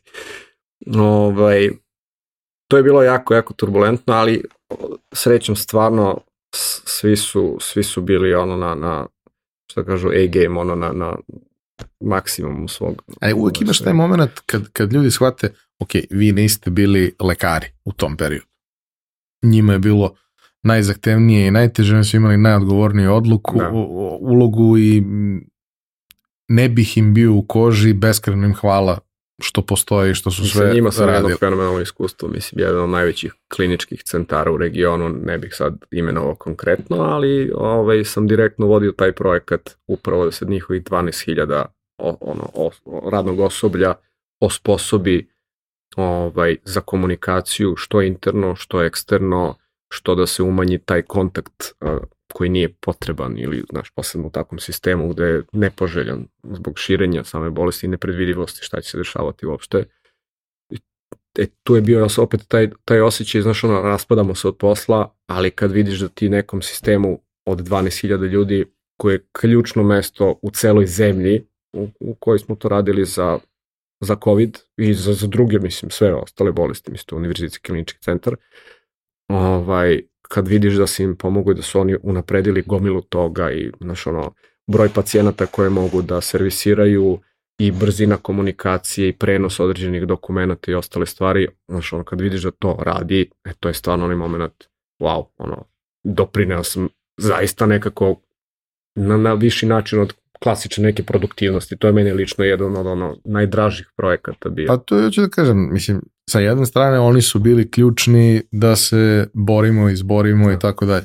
Ali sa druge strane i verujem da je bilo mnogo teško, ali je lakše kad znaš da to što ti radiš pravi neku vrstu razlike. Evo, sa druge strane, vi ste tu negde neko ko treba da omogući da stvari koje u normalnim okolnostima ne rade na taj način, sada mogu da opstanu i rade i da se to desi u ono vremenskom prozoru koji nije pretarano veliki, jer svaki dan je gubitak i svaki dan je problem i mm. postoji velika šansa da mnogi od biznisa koji su tu bili da ono se bespovratno ovaj uruše u, u, u tom procesu. Tako da nekako ono imaš taj osjećaj svrhe da. da to što radiš ima nekog smisla. A, a gde si ti bio sve to vreme? Ja sam bukvalno u tom trenutku, reći ti kako je bila ta geneza, to se desilo sve u 10 dana možda. Postoji ono, situacija u Kini, odjednom se ta Kina, ovaj, ta situacija prenosi na, na Italiju, a ponedeljak je, ja u petak imam let za Srbiju. To je bio neki tamo mart, recimo 12. 11. 13. ne sjećam se. Ja sa ovaj, dobrim drugom jednim treba da odem na skijanje u Austriju. I u ponedeljak već pitanje šta će se desiti, kreće da se širi po Evropi, zatvaraju se određeni aerodromi, da li ići, da li rizikovati, niko ništa u tom trenutku ne zna, koliko je smrtonosno, kako se širi, gde ćeš završiti, da ćeš ostati zaglavljen na aerodrom. Mi u četvrt, od ponedeljka do četvrtka niko se poslom ne bavi, svi samo pričaju o virusu.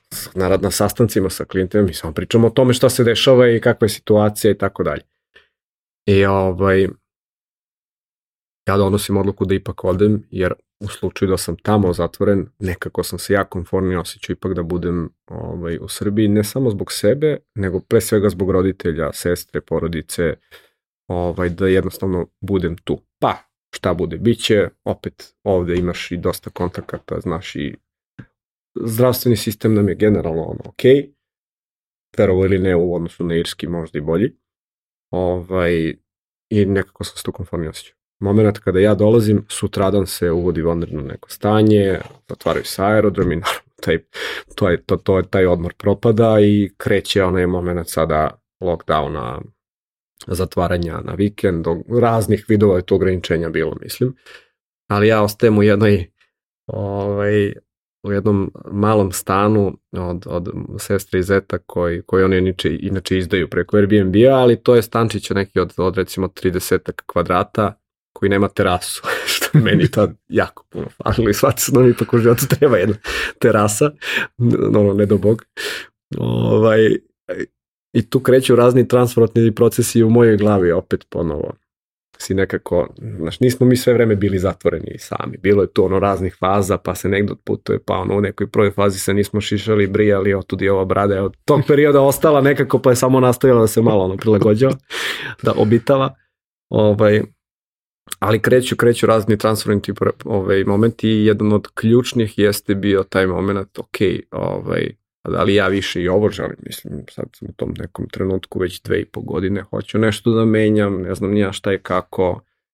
I nekim ono čudima dolaze do mene neki, neki ovaj, neki klipovi vezano za ovaj, tu neku finansijsku nezavisnost i, i ovaj, kako te stvari funkcioniš. Ja do tog trenutka sam već investirao ovaj, u Microsoft kao kompaniju kroz neki program za zaposlene gde mi se odbija određeni deo plate i na taj način kupujem ovaj, akcije kompanije i dobio sam neke akcije dobio svake godine kroz neki deo bonusa. Čak i u Telenoru sam imao slično iskustvo da sam kupovao akcije, ali ovaj, mesec dana pre tu krizu ja prvi put kupujem akcije koje onako ne u kompaniju koju radim pa to postoji neki razređeni program već ja se konačno nakon godinu i po dve dana istraživanja upućujem u to da ja otvaram neki brokerski račun, da ja šaljem neke pare negde, da ja onda kupujem te akcije i tako dalje. I manje od mesec dana nakon tog momenta da ja stavljam neke pare u taj sistem koje nisu bile nešto bog zna šta velike. Daleko, mislim, ono što kažu da izgubim te pare, ne bi mi se život uopšte promenio, ali nisu ni zanemarljive. Ovaj, dolazim u situaciju da kreće korona, kreće ludilo, sve to pada 34%. Znači ti si kriv, jasno. sve to pada 34% i ja krećem da se onako malo tresem, otprilike ok, ono, to je kao kad, ne znam, ne kladim se, ne, ne, ono, ne pratim futbala, ali znaš, par puta sam odigrao kladionicu i kao, znaš, on staviš 200 dinara na neku utakmicu, odjednom krećeš da čitaš o svim igračima, koji u kakvoj formi, kakvi su im bili prethodni rezultati, šta se dešava, znojiš, mislim, to je ne, no, nebitno je neka kinta, ali ceo taj osjećaj je ono jako Sama činjenica da ti proveriš ono, skor 80 puta je strašno. Bukval, da, da. E, ovde je bilo isto to samo onako još malo ozbiljnije, kao sad ne znaš, znaš kao, ti si tamo prihvatio 20 nekih ono ugovora i uslova korišćenja kod brokera, kod ovoga, kod onoga, znaš kao, ulećeš u nešto što ne znaš baš Mislim, ne, ne znaš uopšte u principu, ali znaš nekih ono par posto. Znaš u načelu šta hoćeš. Znaš da hoćeš da napraviš više para od toga, to hoćeš sigurno, ali mislim sad kao znaš neke osnove uprkos ono istraživanje i tako dalje. Tu mi je u nekom trenutku i, i ovaj, spomenuli smo ga, isto Radi Rakočević, razgovor pre nego što ću otići u Irsku mi je dao neki ono vetar u leđe da krenemo to malo više da čitam i istražujem. Ovaj, sad dolazimo u situaciju, to sve pada i neki stres i kao šta sad? I tom stresu zapravo dobiješ tu neku ekstra energiju. To je ta neka krizna situacija koja te natre. Ajde da ja ovo malo ozbiljnije izučim, da sad stvarno moram, jer kao ako ne, propašće mi. Sve ono što sam čitao, učio, govorilo je da, što kaže Warren Buffett, budite pohlepni kada su svi plašljivi, budite plašljivi kad su svi pohlepni. Da je ta kriza zapravo prilika i onda malo bolje kad ono, gledaš kroz istoriju, svi ti neki veliki uspesi, velike transformacije, velike promene, baš velike promene su nastajale kad su bile najveći problemi, najveće krize. Tu se ono, izdvoji žito od kukolja i pokaže se ko je radio domaći zadatak. Znaš, kad je sve lepo, ono, lepo je šta god radiš, a kad je haos, onda uspevaju samo oni koji su bili spremni i radili na tome i, znaš, ono, ostali nekako, što bi rekao Tony Robbins, nepokolebljivi, isto fenomenalna knjiga za ljude koji su negde na početku ali ovaj, to je moment koji mene krenuo da transformiš u tom nekom smeru, hajde malo da razmislim ozbiljnije o ličnim finansijama, jer mi se do tada svode na to, aha, kolika mi je plata, koliki su mi troškovi, koliko mi para ostaje sa strane i moment, ok, imam neke pare sa strane s kojima bih nešto uradio, ali šta je to nešto? I sad, opcije koje sam ja pred sobom video su, ok, mogu da pravim svoj biznis, ne mogu jer ono, došao sam u drugu zemlju i učim nešto novo i sad sam u fazi da ne mogu sad da skočim odatle opet na nešto drugo, nego ajde neko vreme. Ali za to vreme šta mogu da uradim? Razumem se u kola, volim kola, imam mnogo prijatelja iz tog sveta da uzmem da kupujem i prodajem kola, preveliki je rizik i preveliko je cimanje za relativno mali profit. Znači ti treba da kupiš auto u drugoj zemlji gde nemaš ni vozačku dozvolu, pa ti treba da držiš negde taj auto gde nemaš ni garažu, pa mora to da obezbediš tako ti neko udari auto, tako ti neko ukrade auto, treba da prodaješ na tržištu auto gde nikad nisi prodavao, mislim, auto, ono, sve nekako nakradno, nije mi imalo nešto smisla. Nije mi imalo smisla time da se bavim ni u Srbiji, a posledno nije imalo smisla da se bavim u Irskoj.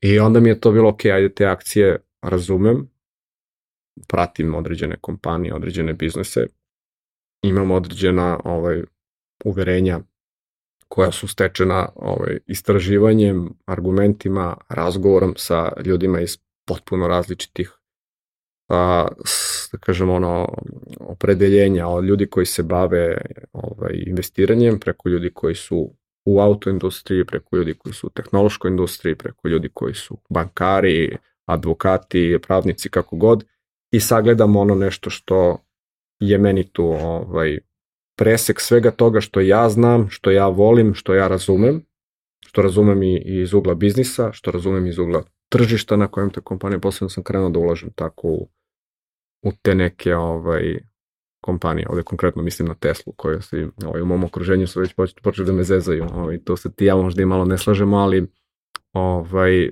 određena ta istraživanja uverenja su me ubedila da, da je to mesto. Vidi, mi se slažemo da je to dobra investicija, mi se možda ne slažemo oko toga, pošto ja mislim da je Musk budala, ali e, ne u stvari da je budala, nego da je ono infantilni ludak. Mnogi infantilni ludaci su napravili neverovatne stvari, da se razumem. Yes. Meni samo taj moment njegove javne persone ni malo ne prija, što mislim da, da je neozbiljno i Drugačije. nekorektno ponašati se na taj način. Jer jedna stvar je da se ti zadaš na, na, na račun nečega. Druga stvar je da tako kako se zadaš nekome uništi život, zato što, eto, može ti se i se. Da, znači, mislim, mnoge stvari da. koje su se dešavale kao posledica njegovih izjava, mnogi ups and downs na, na, na marketima su neki ljudi učinili bogatim, neki ljudi doveli u vrlo ozbiljne probleme. Pa, Samo nisu zato sve što... stvari koje se dešavaju na ovom svetu uvek što kažu ovaj, kad jednom, dok jednom ne svrkne, drugom ne svane. Sigurno, znaš, ono. sigurno, ali... Čak i neke naj, ono, dobre stvari, dobre invencije i dobre ono, stvari su uništile neke biznise i neke Jesu. porodice i neke... Znaš, Sve stoji. Ali nekad nije bilo dovoljno, nije bio dovoljan tweet za tako nešto, a sad je. se. I jedan Trump je tweetom ono, unakazio celu Tursku, mislim, ono, tako da Slažem se, tu postoje, mislim, ali to su... Ja mislim što se iskoristio Trumpa kao da. poređenje. ali to mislim, to su neki, kako da kažem, neke stvari opet, i mi živimo u eri gde se mnogo toga dešava po prvi put i da jednostavno... I brže nismo nego ikad. I brže nego ikad i nismo svesni nekad posledica koje mogu da se dese našim potezima nekad nepromišljenima, nekad vrlo taktičkim i promišljenim, samo deluju na izgled nepromišljeno. Tako da... E sad, a, kažeš ti si se, da kažem, usavršavao, istraživao, učio. Šta su neke, da kažem, kada bi sada trebao da posavjetuješ nekog ko hoće samostalno da uđe u to sve, razmišlja o tome, možda nije spreman još uvek da upliva u tu priču, mm -hmm. ali želi da se informiše, želi da dođe do, mm -hmm. do nekog većeg ovaj, broja informacije. Šta, šta su stvari od koji bi ti savjetovao da krenu? Pa mislim, pre svega, ono, znanje je moć i, i, i a, razumevanje. Pitanje je zapravo šta ti je cilj. Uvijek treba počneš od toga šta ti pokušaš da, da uradiš. Ako pokušaš da, što kažu, obrneš lovu i da kupiš danas, prodaš za ono, mesec, dva, tri, pet godinu, dana, dve, to je po mom mišlju sve neki krat, sve ispod 10 godina za mene je kratak rok. O, ovaj, ja to tako nekako posmatram. Ove, ovaj, ti onda, mislim, možeš isto da odeš da igraš kladionicu ili možeš da, mislim, znači, slične, sličan je princip. A ja posmatram stvari dosta dugoročno i ja ovo što investiram posmatram na način da mi to bude ovaj, neki pasivni izvor prihoda u nekom trenutku moje budućnosti. Što pre to bolje. Penzija. Penzija, ali opet penzija, i to smo pričali ne iz ugla da ja sad dignem sve četiri u visi, ne radim ništa, već penzija koja bi meni omogućila upravo da radim stvari koje volim i da svu svoju energiju i fokus usmerim na stvari koje volim jer ne moram da razmišljam o tome da li ću sutra moći da nahranim Bože zdravlje decu i ovaj, porodicu i da pomognem ljudima oko sebe, već mogu da jednostavno imam ovaj, to neko pokriće da se bavim ovaj, onim što, što je jednostavno. Ima jedna fenomenalna ovaj, japanska metodologija zove se Ikigai koja mi isto uticala na tu transformaciju koja je presek četiri kruga. Prvi krug je ovaj, šta voliš, drugi krug je od čega možeš da živiš, treći je da li to donosi dobro svetu i četvrti je, šta sam previše propustio, da li možeš budeš plaćen za to. I sad ti imaš stvar, na primjer, ako si u nečemu, da, izvini, da li si dobar, da li si plaćen, da. I ako si u nečemu dobar i možda budeš plaćen za to, to je tvoja profesija. To možda ne doprinosi dobro svetu, ti to možda ne voliš, ali, brate, plaći ti račune pa imaš ono ako nešto doprinosi ono, svetu i ti to voliš, to je onda ono humanitarni rad. Znaš, ono, ili spašavaš kučiće, mačiće, ili, znaš, sve su to fenomenalne stvari, ali ne možeš da hraniš decu i porodicu od toga. Znači, moraš da radiš još nešto. U idealnom svetu ti ćeš razvojem svoje karijere i svog životnog puta doći do tog ikigaja, odnosno tog centralnog a, kruga koji je zapravo presek svih ovih stvari koje sam pomenuo I tu je negde cilj kako do toga doći. To je jedna stvar koja je u isto vreme, da kažem, i u paraleli i prepliče se sa ovom nezavisnošću finansijskom o kojoj govorimo. Ali ja mislim da do tog Ikigaja je mnogo teže doći, odnosno mnogo lakše doći ako ne moraš da razmišljaš toliko o novcu.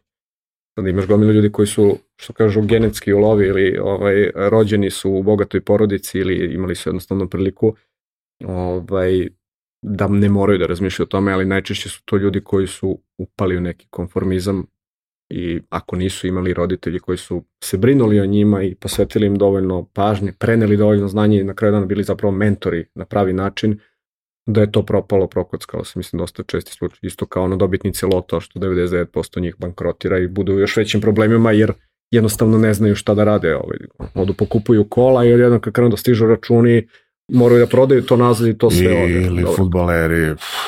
Ima, mislim, koliko je Generalno, legendarnih ko... zvezda, mislim da čak i Michael Jackson, ali mislim, ono gomila košarkaša, sad ti znaš, mislim, da, muzičara. Generalno gomila ljudi glubaca. koja nije na neki uh, dovoljno težak način došla do tog novca i nije im baš jasno zašto su taj ili novac možda, dobili. Ili su, da, nije dovoljno teško, ili, da, mislim, ili, palo, ili je pao novac s neba, ili su se rodili u novcu. Znači, pala ogromna količina s neba. Znači, imaš ljudi kojima dolazi ono sve veće, veće lol. Imaš ljudi koji odjednom ono nisu imali ništa, pa im samo jednom, pap, ono, neki milioni padnu. To je, mislim, ono, recept za... Bože, dozvoli mi da ti pokažem da me pare neće pokvariti. ovaj, beš iz mućki, ovaj, del boy. Da, ali kaže, da, pare, to je taj pare proces. u stvari ne, to je Johnny Depp, ja mislim, rekao, ovaj, kaže, pare ne menjaju ljude, pare ih otkrivaju. Znaš, ono. Pa da, mislim, naravno, to je ono, ono, tog trenutka više, naravno, kad pričamo o nekom velikom novcu, više ne moraš da se suzdržavaš ni oko čega. Da. Kad vidiš oko čega se sve ljudi ne suzdržavaju, da. imaš malo problem s tim gde živiš i kime si okružen. Da. Ali jeste negde, da kažem, ono o čemu bih volao da u, u ovom poslednjem delu razgovora više pričamo, jeste upravo taj moment da, ok, ako ti planiraš da kratkoročno napraviš neki novac, postoje načini i za to, ali to nije naša tema. Da. Naša tema je šta ti kao jedna odgovorna, vredna jedinka možeš da učiniš da ti onaj period života koji bi trebalo da ti bude najlepši, mislim posle detinjstva koje bi trebalo bude lepo ovde obično i nije baš tako sjajno, Ovaj, ali onaj period gde treba da ubiraš plodove svog, svog nekog rada, truda i svega, koji ovde često, bez obzira na to koliko su ljudi bili uspešni, daleko dogurali i tako dalje, vrlo često bude ispod nekog nivoa tih ljudi. Mislim, svi smo doživjeli te scene da vidiš ljude koji nose na divne kapute stare 30 godina i koji kupuju 100 grama pilećeg parizera u prodavnici ispred tebe. I ne, ne, ne možda zameriš ništa tim ljudima jer oni su ceo život proživeli u sistemu u kome nije postojalo nikakve informacije ni o čemu. Ako si ti ceo život da. živeo u nečemu što ti je nazovi blagostanje, ti ne očekuješ da može bilo šta drugo da se da. desi, da bilo koji, da bilo koji drugačiji način stvari mogu da se odvijaju ali kroz par nekih razgovora ljudi koji su, koji su bili ovde, znam da u dru, na drugim podnebljima se o tim stvarima razmišlja i priča na drugačiji način. Da. Čak ono, ne moramo mnogo daleko da odemo, ali u Austriji već ljudi ozbiljno razmišljaju još od studentskih dana imaju nekakve svoje ušteđevine, investiraju u različite stvari, privatni penzioni fondovi, razne druge vrste ovaj, stvari na kojima, na kojima i ljudi koji nisu u financijama ne razmišljaju o tome kao o nekoj profesiji ili bilo čemu vide sebe. Znaš, na neki način na, to gledaju drugačije. E sad, hoću opet da te vratim uh -huh. uh, učenje o tome, odnosno informisanje o svemu tome, odnosno formiranje te neke svoje slike i ideje kako treba da izgleda uh -huh. taj neki dugoročni plan. Ono što je meni negde, no, par nekih stvari koje su mi pomogle, jedna je knjiga ono, Bogati otac i romašni otac koja je baš, ovaj, Robert Kiyosaki, baš pitka za ljude koji ono, počinju od nule, otprilike, da, da steknu taj osjećaj zašto je bitno ulagati u nešto čija vrednost vremenom raste, a ne u nešto što gubi vrednost. I znaš, kad, kad promeniš tu perspektivu i koliki je trošak toga što zapravo koliki je trošak da ne radiš to, ono što sam spomenuo za security ili za osiguranje, ono koliki je potencijalni trošak ako nemaš zdravstveno osiguranje na dugi period, ono, zamislimo period od 50 godina, koliko neko, 60, 70, 80, znaš ono, ti kao štediš mesečno nešto, ali u nekom trenutku ako se nešto desi, katastrofa. Ako ovako pomalo izdvajaš, ti si generalno safe. Isto mislim da je sa investiranjem. Znaš, dođe neka faza kada se nešto desi da, ono, ozbiljan je trošak ne investirati, mnogo veći trošak ne investirati nego investirati. Ovaj, ta knjiga ti da neke osnove. Postoji knjiga koja je napisana 1900, ako se ne varam, 29 ili nekih ono, ranih 20 30 godina, a, koja se zove Intelligent Investor. A, a, ben Graham je profesor koji je napisao tu knjigu koja je zapravo, on, to je profesor Warrena Buffetta, inače legendarnog investitora, koja daje upravo te neke osnove tog razmišljenja. Za Na principe. Principe koje su 100 godina kasnije isti. Tako je. Koje je apsolutno, ovaj, još jednom samo knjiga da napomenem, Ray Dalio, a, uf, a, Changing the World Order, nešto, zaboravio sam sad tačan naziv, izgooglajte, naćete sigurno. Knjiga koja priča o tim nekim trendovima i oscilacijama koje se ponavljaju iznova i iznova sa svim carstvima. I, A, većina stvari istorijski gledano su ciklične. Tako je, da. I ovaj, onda kad upariš, na primjer, tu stvar, koja će ti reći možda šta se dešava kad je neka kriza i kako će budućnost nakon te krize otprilike izgledati. Ona menja formu, ali suština je ista. I ako imaš te neke osnove investitorskog ovaj, mindseta koje ti daje ova knjiga, ovaj, nije malo opširnije, ali zaista vredi ovaj, pročitati. U suštini je dosta lako. Mislim, a, taj tehnički deo kako se investira ume biti malo kompleksniji iz Srbije, ali nije nemoguće. Ovaj, Poenta je samo ako razmišljaš na dugi rok, šanse da, da, da, da čak i ako, ako ne znaš ništa ili ne želiš time da se baviš, velika većina ljudi ne želi da se bavi time, znači ne želi, ne želi da pročitu te knjige, ali bi volili ipak da neke pare nekako odvoje sa strane, da te pare rastu i da budu sigurni što ti kaže da će im penzija biti ok, da im neće inflacija pojesti njihovu šteđevinu u kešu ili gde god, da neće imati neke promašaje, No, ja, generalno ta priča koja je nekad i pila vodu o nekoj klasičnoj štednji u banci, ono odavno... Absolutno. Pa mislim, procenat koji tebi banka daje je manji od same godišnje inflacije, tako da tebi samo ta banka usporava gubitak tvog novca, ali ga ne eliminiš. Ali recimo investiranje je ono što, što ja dajem često kao najbolju moguću opciju i primjer jeste ovaj indeks S&P 500, to je znači indeks koji zapravo šta je, šta u stvari to znači najpra, najplastičnije rešeno, to je zbir 500 najvećih američkih kompanija i umesto da vi kupujete akciju, na primjer Microsofta ili Tesla ili Apple-a, vi kupite ovaj delić tog kolača koji se zove S&P 500, S&P 500 i suštinski imate deo od 500 najvećih kompanija na svetu. I ti na taj način onako sutra bankrotira jedan sistem poput Microsofta, što ja mislim stvarno da je jako teško da se desi, jer toliko drugih sistema zavisi od njega da bi to predstavljalo onda mnogo veći problem. ovaj, čak i da se desi taj hipotetički scenarij da to padne, ti dalje imaš 499 drugih koji su... Koji će da normalizuju taj skor. Tako je, jer, jer na primjer, taj Microsoft u celom tom ono, krugu učestvuje samo sa 2%, a neke male kompanije, mislim male, manje, neka koja je na 450. mestu, ona učestvuje sa 0,01%. Znaš, tako da, ako ona bankrotira, efekat je još manji ali veće šanse će oni bankrotirati, nek, mislim, ali opet kažem. Ali opet, i ako bilo koje od tih 500 napravi ogroman skok, to će opet kompenzovati e, tako je. To je, sad, to, je, to je sad razlika što ti, u principu, ono kao što kažu, ako hoćeš da ideš brzo, idi sam, ako hoćeš da ideš daleko, idi zajedno. E, to ti je isto i ovdje. Znači, ti ako pokušavaš da nadmašiš taj prosek, ti onda treba da gađaš individualne kompanije za koje očekuješ da će praviti veći rast. Poređenja radi prosečan rast za prethodnih recimo 35-40 godina, molim vas ove cifre nemojte da uzimate, ovaj, konkretno mogu da se izgooglaju, ali recimo da je za S&P oko 11% gore dole.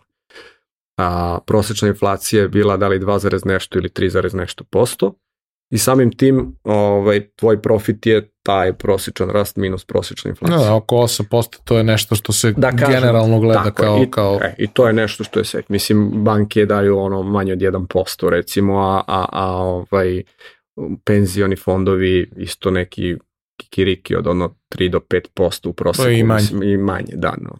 Zato što oni mnogo mnogo manje rizikuju. Ono, akcije se smatraju kao malo rizičnim investicijom, ali ja ne smatram to tako. Ja smatram da je, znaš šta je rizik za mene i kock? Mislim, odnosno, rizično investiranje u akcije kao da odeš u kladionicu i staviš pare na neki klub koji nemaš pojma koja loviti i imaju lepše drese pa se klaviš, to je to. Ali ako ti istražiš nešto i razumeš ko su igrači, dajmo primjer opet futbola, ko su igrači, kakva im je istorija. Pa mislim, možda, možda je dobar primjer, uh, ok, igraš na Barcelonu, hmm. ali nije bitno šta će da se desi u jednoj utakmici. Tako nego je. igraš za Barcelonu da će te godine da bude dobra. Tako je. Ne da će da pobedi, da će da bude dobra. Tako je, tako je. Pa bit će da uvek je dobra. Tako je. Znači, tako, tako nema šta. Mislim. mislim, jer ovde u, u samom investiranju postoji definicija pobede. Mislim, ono, samo je pitanje da li će taj rast da bude 5, 10, 20 ili 50%, ali bitno je da bude što veći, to bolje, ali koliki god. E sad, da se vratim nazad, znači, jedna taktika je ako pokušaš da nadmašiš, da gađaš individualne kompanije u koje investiraš, tim što to onda zahteva mnogo veći angažman, razumevanje kako ta kompanija pravi profit i pare. Znači, kojim je biznis model. Posebno što o svemu tome moraš da razmišljaš na nivou od nekoliko godina, možda ne ako je, ako je cilj takav u glavu da gađaš nešto, možda ne preterano dugoročno, da. ali opet na nekoj distanci, ne 7 dana. Mislim, ti mora da razumeš, ima, ima, pojam koji se zove moat, odnosno šanac bi se preveo, to je neka, um, neki diferencijator, odnosno a, konkurentska prednost kompanije koja je jako teško za, za kopiranje. Znači, ako imaš kompaniju gde razumeš kako biznis funkcioniš, razumeš da imaju neku konkurentsku prednost, razumeš da donose vrednost i da će donositi, posmatraš njihov horizont od narednih 50 godina, kako investiraju, u kom smeru, znači koji je trend njihovog investiranja, znači oni svoj profit investiraju u razvoj nečega. Da li to nešto otvara nova tržišta, novi potencijal, rast, kako god, na osnovu toga utvrđuješ otprilike u kom smeru mogu da idu. Dosta ljudi to vrlo paušalno radi, ja mogu da ti kažem da ja, na primjer, eto Microsoft igrom slučaja radim tu, pa se bavim, ono, u tom sam poslu, daj Bože da znam 5% toga šta se dešava i da razumem Tesla isto s kojoj provodim dosta vremena, ono, čitajući, istraživajući, gledajući, pratići na svim mogućim kanalima i nivoima, opet mislim da je jako malo znam. Znači, jako je teško da ti zaista razumeš. Znači, mi mislimo da znamo nešto, ali ne znaš ti ni delić toga u praksi. I onda je ta strategija generalno dobra, ali na dugi rok redko ko uspe da tu, znači, kažem na dugi rok, mislim recimo, ako uzmeš profesionalce, na neki period recimo 30 godina. Samo 4%, znači četvorica ili četvoro od 100 je uspelo da nadmaši rezultat tog indeksa S&P 500. Znači, ako profesionalci koji su svaki dan u tome i koji pričaju sa ljudima koji se time bavi i koji sede tamo negde u, New Yorku, na Wall Streetu i, znaš, ako od njih 104 uspe na duži rok, koja je šansa da ćeš ti iz Srbije koji sediš ono negde na Mirija u, i gledaš ono, čitaš na, googlaš mislim. Sad. čitaš na forume, što, čitaš što je forum. nekad bilo. Znaš, jako malo. Tako da u tom kontekstu to može biti ok strategija moja lično, na primjer, to trenutno jeste, ali ja to vidim na period od 10 godina, jer mislim da dugoročno je malo zeznuto, kao što sam rekao, ali dugoročno, ja, na primjer, moju penziju imam tu opciju da biram u šta će da mi ide penzija, imam tu sreću da mogu da stavljam u S&P, meni penzija kompletno ide u S&P, a ja planiram do sutra svoje, svoja sredstva prebacim u jednom trenutku u taj indeks. Jer je to fond koji, da kažem, je automatizovan i donosi ti određenu vrednost. E sad, ovaj, još jedna bitna stvar kod celog tog koncepta jeste i da to ne treba da bude jedini izvo, jedino sredstvo u što se ne znači ti porad da napraviš neku disperziju. Disperzija ne znači nužno tih 500 kompanija pa kao, znači ako krene da pada berzi da se ruši taj sistem, pa verovatno padaju sve zajedno. Do neke, neke manje, neke više. Ali postoje takozvani ovaj, hedging, odnosno ne, ne znam opet sigurno kako bi se to prevelo, ali recimo diverzifikacija rizika u odnosu na, na, na to jeste da kupuješ možda zlato ili da kupuješ nekretnine koje izdaješ ili da, da raspolažeš luksuzna neka roba. Postoji takozvani na Veblenov, ako se ne, ne varam, efekat da u kriznim situacijama, ima i Giffenov i Veblenov. Veblenov je da u kriznim situacijama, ovaj, ubiće mi ovaj neki ekonomisti i fonovci kad me čuju, ako grešim, ali a, a, taj, taj Veblenov efekt je da u kriznim situacijama, recimo Ferrari i dalje se proda sve što napravi, jer bogatih će uvek biti, znaš, ono, jednom je smrknulo ovde, ali ono, Kini je svanulo tamo, pa će ti Kinezi sve da kupuju, ne Amerikanci i tako dalje, a pošto je to redko ograničeno dobro, uvek će biti traženo. A ako se ne varam, Giffenov efekat je da neke ono jeftine namirnice tipa brašno, da im isto u krizi skače ovaj prodaj jer ljudi beže iz nekih tih luksuznijih dobara i prelaze u ono osnovno da ide imamo u Srbiji toalet papir, mislim. I, ne, Boga mi globalno, globalno je bio trend tokom korone. Toalet papir, brašno i te stvari eksplodira prodaja ovaj toga. Tako da u tom kontekstu treba napraviti neki balans, jer nije poenta, mislim, dugoročno ono što kažem, teško ti možda napraviš, ne znam kakav rast i da ti posneš milijarder od nule, ono je zeznuto, znaš. Ovaj, ali poenta je da ti imaš, da si otporan na sve nedaće koje dolaze, znaš, na, na ono, kad je kriza, kad je dobro, znaš, kad je ono super, ne mora ti bude najbolje, ali kad je loše, nek ti ne bude najgore. Nego ajde nađi neku sredinu, potprilike te ekstreme umanji i bit ćeš ok na dug period. Možda nećeš ti biti, ne znam, njakoliko ok ili bogat, ali ako to radiš na vreme, tvoje deca sigurno hoće. I deca tvoje dece. Znači, kad posmatraš isto ta carstva ili, ne znam, Austriju si spominje i ostale, upravo je tu i dobro što oni u suštini kad pogledaš vremenom su gradili i, i taj zamajac koji se stvara, to je onaj efekat a, ove, kako se zove, grudve koja se kotrlja, znaš, ta grudva napravi jedan krug kad siđe do dna, taj jedan krug mnogo više snega nakupi nego što je kupio na vrhu, je li tako? To ti isto kad dođeš 10% rasta od milion je mnogo veći od 10% rasta na 10.000, opet je 10%. Jedna bitna stvar, a to su tri stvari, znači to je vreme koje provedeš investirajući u nešto, znači godine, što više to bolje, jer taj snowball efekat ili a, zove se compound interest ili kamata na kamatu ili a, taj rastući moment se stiče ovaj vremen. Znači što si duže u igri to je taj efekat jači, jači, jači, jači. Druga bitna stvar je procenat rasta. Znači, daću ti primjer. Ako neko odvoji sa 23 godine 10.000 dolara ovaj, i investira u nešto što raste 10% godišnje taj neko će sa 65 godina imati 604.000 otprilike. Znači staviš to i to svake godine raste 10%, sledeće to je 11. One tamo je 10% na 11. One tamo je 10% na 12 i 100 i tako dalje i tako dalje. Znači dođe u neku trenutku 10% na pola miliona, to je 550. I to dobije efekt.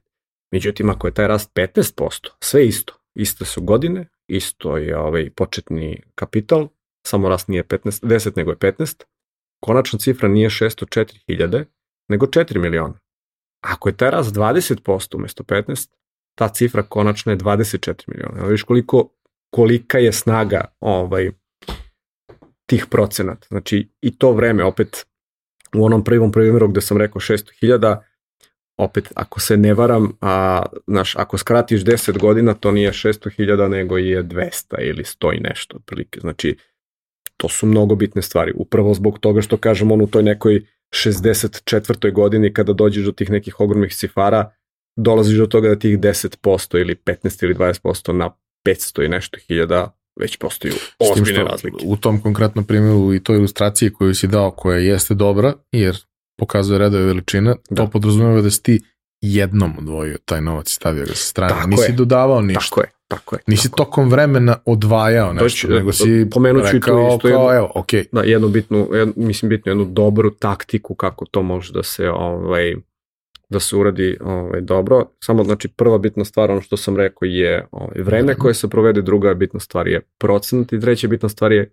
koliki je taj početni kapital. Mislim, što ranije uložiš što više, to je taj efekat jači. Znači bolje kad si mlad ulagati što više možeš, jako to je kontra realno onome, jer obično ti je manje plati, manje su ti primanja, prihodi i sredstva kad si mlad, a veće su kad stari, ali ok, što pre odvaja što više, to je bolje.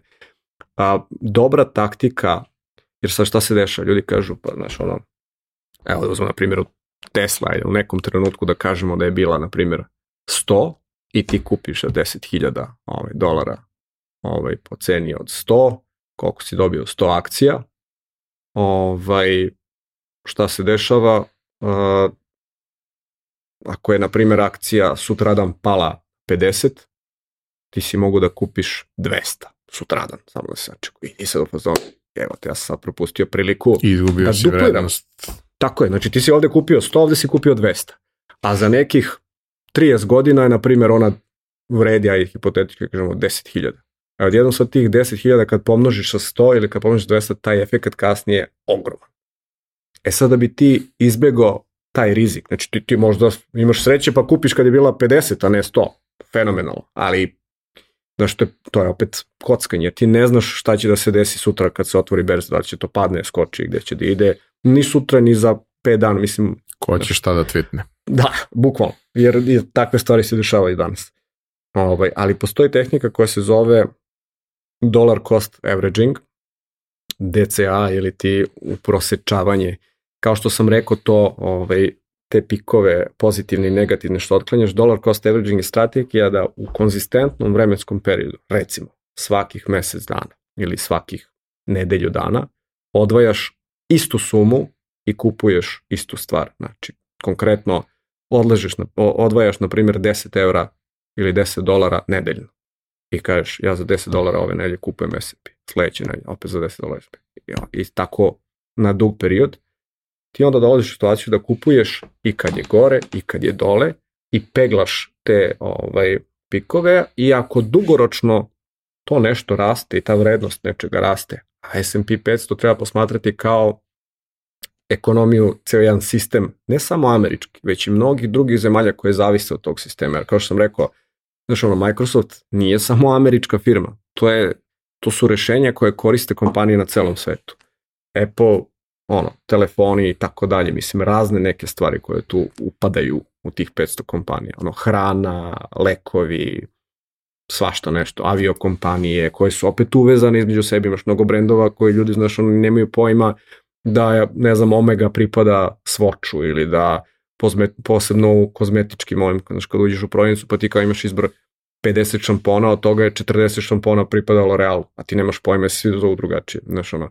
Tako da ti kupovinom toga realno imaš jednu korpu jako lepo diversifikovanu, a ovom taktikom konzistentne kupovine i odlaganje nekog iznosa, znaš što kažu, negde u idealnom svetu bi trebalo da odvoješ 15%. To nije realno u Srbiji za svaku osobu, posebno naš ljudi koji imaju niža primanja, ne, ne, neki ne mogu ništa bukvalno da odvoje, ali u trenutku kada dođeš do toga da imaš neku kintu sa strane koje si spreman da se odrekneš, kad kažem odreknem, buk, odrekneš bukvalno da zaboraviš na nju i da budeš miran, znaš kako ja to gledam.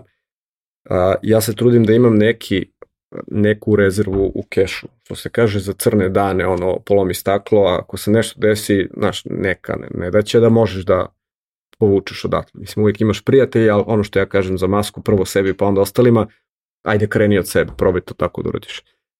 Tek kada imaš to, tu bazu, onda kreni polako da ovaj, odvajaš i to radi u nekom ono, što dužem vremenskom periodu, po mogućstvu što više da odvajaš, ali opet 15% jer nije pojenta da ti žrtvuješ kvalitet svog života, da ne ideš na more, mislim svaka čast ljudima koji to mogu, ali ono kao ti jednom imaš 25 godina, jednom imaš 40 godina, znači ako dođeš do toga da si ti ono ceo život stiskao i nisi video svete i nisi jeo, za početak ja i te neke stvari smatram investicijom.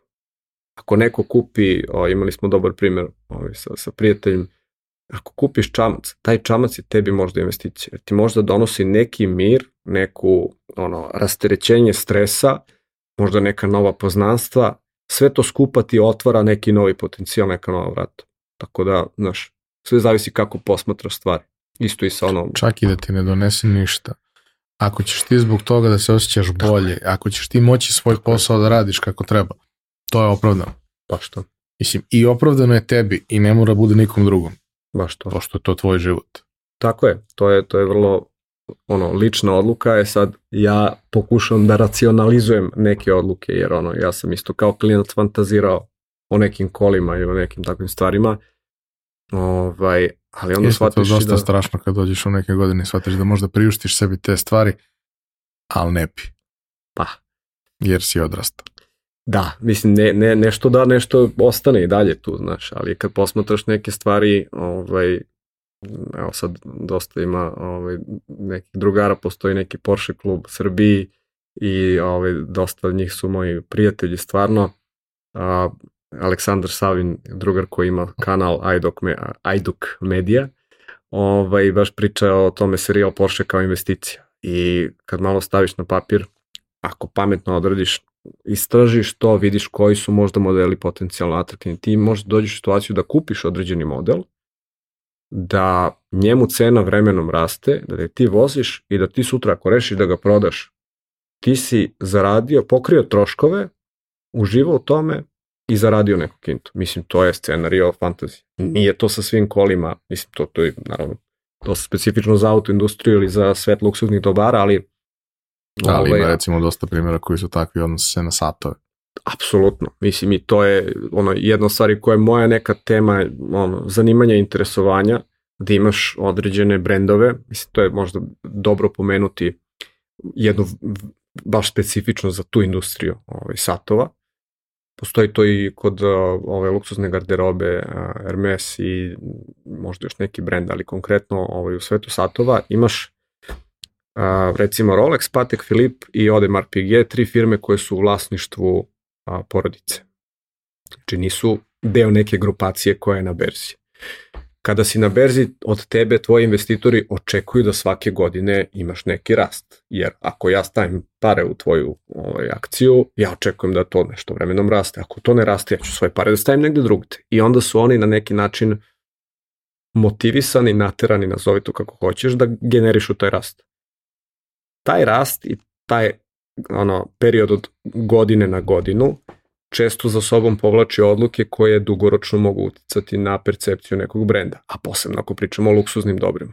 Tebi nije pojenta da kupiš luksuzni sat i da taj sat sutra ima svako ili da taj sat je obezvređen i tako. Znači, pojenta da ljudi obično kad kupe neki skup, vredan, kvalitetan sat, to je obično neki, simbolizuje neki uspeh. Mislim, uglavnom to ljudi kupuju, nekad se dobijalo nakon 50 godina rada, nakon odlaska u penziju, nakon nekog velikog poslovnog uspeha, znači meni bar je znaš, ono, u glavi kad pomisliš tako nešto, to treba bude neki simbol, osim ako nisi kolekcionar i fanatik, ono, neki simbol uspeha. I onda ako ti to počinješ da obezvrednjaš, onda to onako ovaj, utiče na percepciju tog brenda. Znaš, zašto je Longin izgubio? Longin je nekad bio veći od i Rolexa i on nije nikad od Pateka, ali on bio i starija kompanija od Rolexa recimo, ali nije, ovaj, izgra, nije zadržao tu percepciju zato što su počeli masovno da proizvode ogroman broj satova i da prave ogromne oscilacije, novi modeli izbacuju stare, vraćaju stare. Znaš, ono jednostavno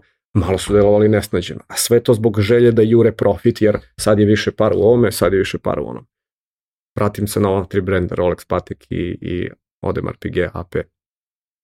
Oni a, su u vlasništvu porodice koja je zadovoljna određenim iznosom prihoda i nema interes da oni sledeći godin imaju 20% više. Njima je interes da njihov brand za narednih 100 godina ima i dalje percepciju da su oni najbolji na svetu.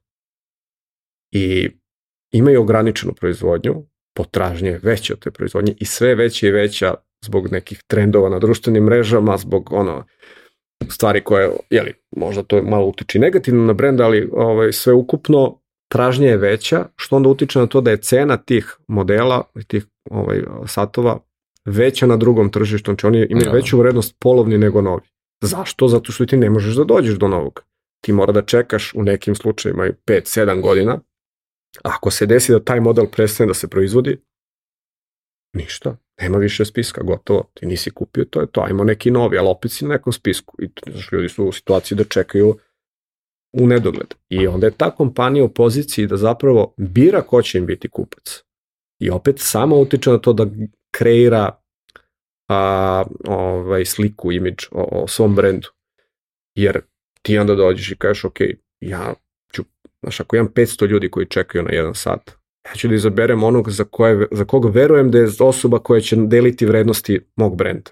A to je možda to dugoročno razmišljanje, ono, rad, vrednost, požrtvovanost. Mislim, kad pogledaš malo Rolex šta radi marketinški, znaš, ulaže u neke vrhunske sportiste, u vrhunske naučnike, u vrhunske istraživače, Znaš, svaki njihov sat profesionalne, iz te profesionalne serije je vezan, na primjer, za neke ono, ljudi koji su osvajali, ne znam, Mount Everest, žena koja je preplivala, preplivala La Manche, ne znam, ono, kad pogledaš, Omega je sponzorisala, recimo, odnosno nije sponzorisala, nego je pravila satove za, ono, kad su išli u svemir Apollo. I video sam sve te satove u Houstonu u nas. A pa Jer je sad, to neverovatan osjećaj da ti to vidiš na jednom tako mjestu. Tako je, a pa je sad zanimljivost koju sam ono relativno skoro otkrio gledajući svaki od tih astronauta je u nekom trenutku nosio Rolex i to GMT model koji ima nekoliko vremenskih zona. To je bilo ono kao, ovo je official, ali brate ja nosim ovo jer ja volim ovo, razumeš, ovo mi je nametnula firma.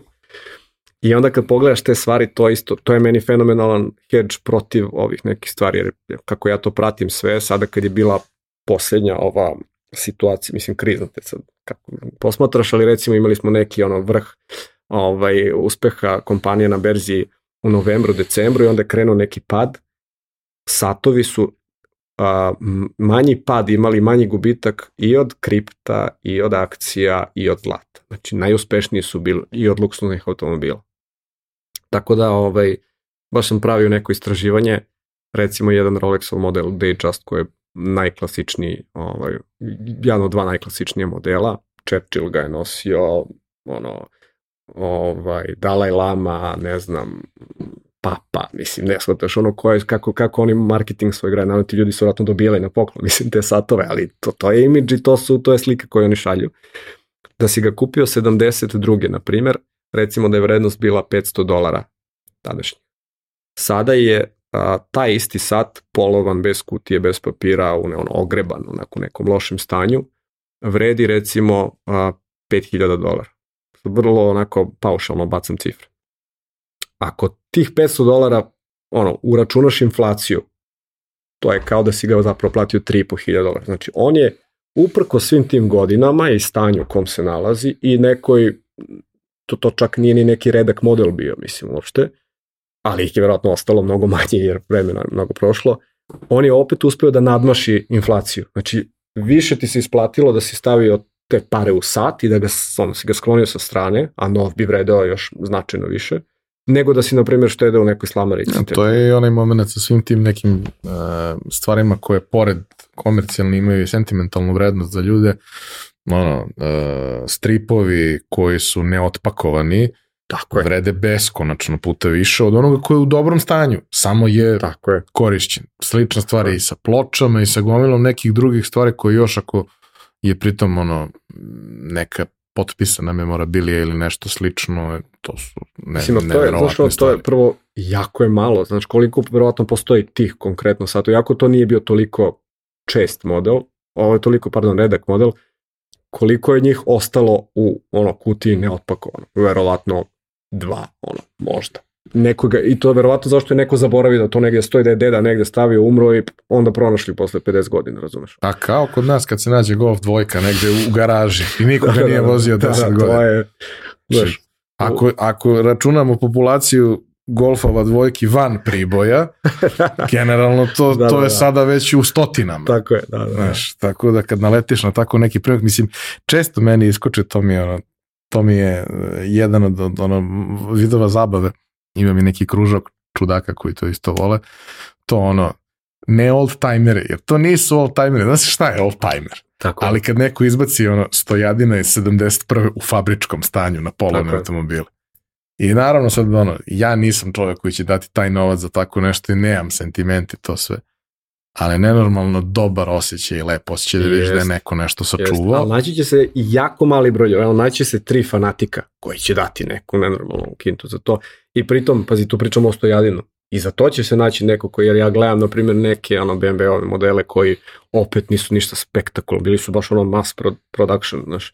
A ovde pričamo o nekim luksuznim dobrima koje su u startu bila u manjoj proizvodnji, pa još kad ono, a da ne pričam ako, ako ti se razumeš u to pa to strateški gađaš kao vidi investicije, onda mislim ono. Znaš, Dobro, ima ljudi da koji, gledaš. koji na taj način investiraju i umetnine i tako dalje. A evo ti JP Morgan, mislim, jedna od najvećih ono, kako kažem, investicionih banaka i, i sistema određeni procenat svog portfolija koristi za investicije u umetnine.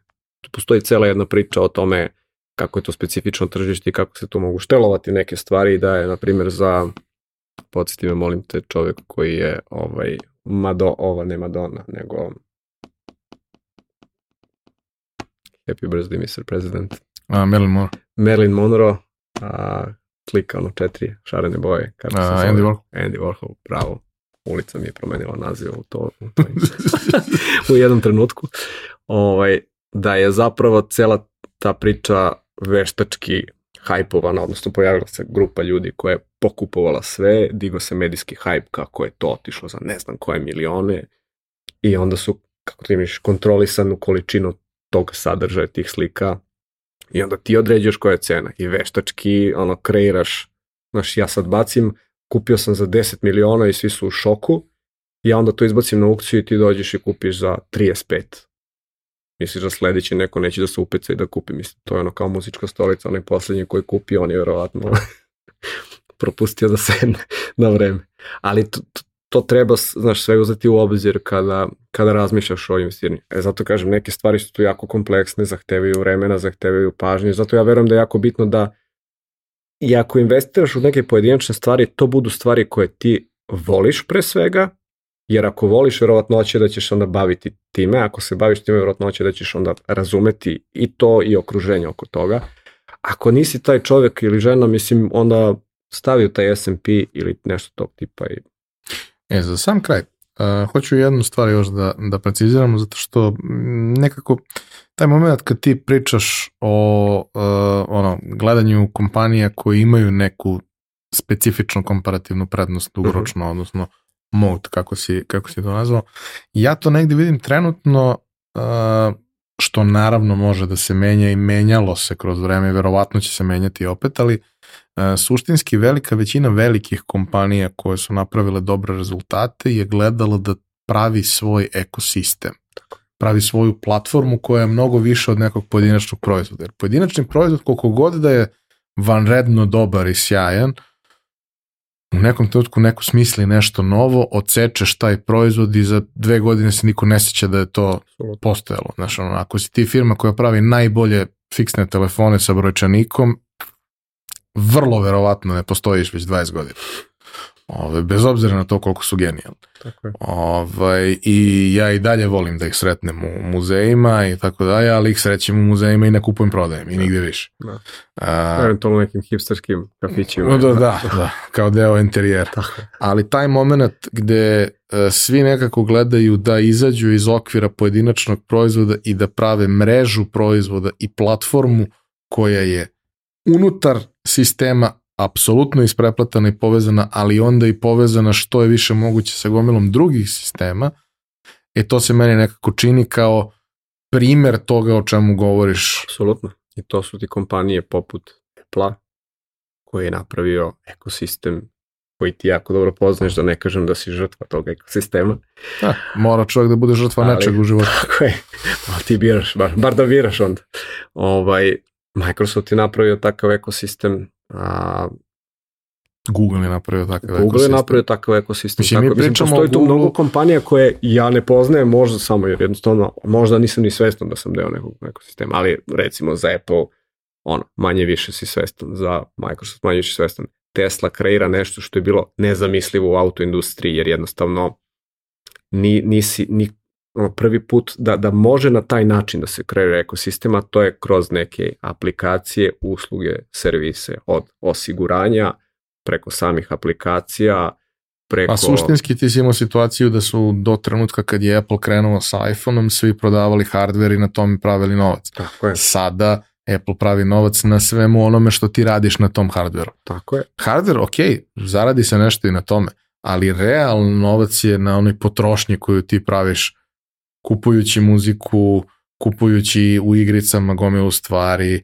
tako kupujući je. razne vrste uh, dodatnih dodatnih stvari, tako koje imaš kroz više to. sredstva, ali mislim i dobiješ vrednost za uzvrat, nije stvar da ti potrošiš sredstva. Ja ću ti tebi da omogućim da trošiš. Ono što ja pričam ljudima ovaj, za Apple konkretno, znaš ti ono, kupiš na početku a, a, iPhone u odnosu na neki ono, top Android, da ne imenujemo ono, brendove, ali ti na papiru imaš telefon loših performansi ne zanima ti, nebitno, jer to radi jednako dobro ili bolje.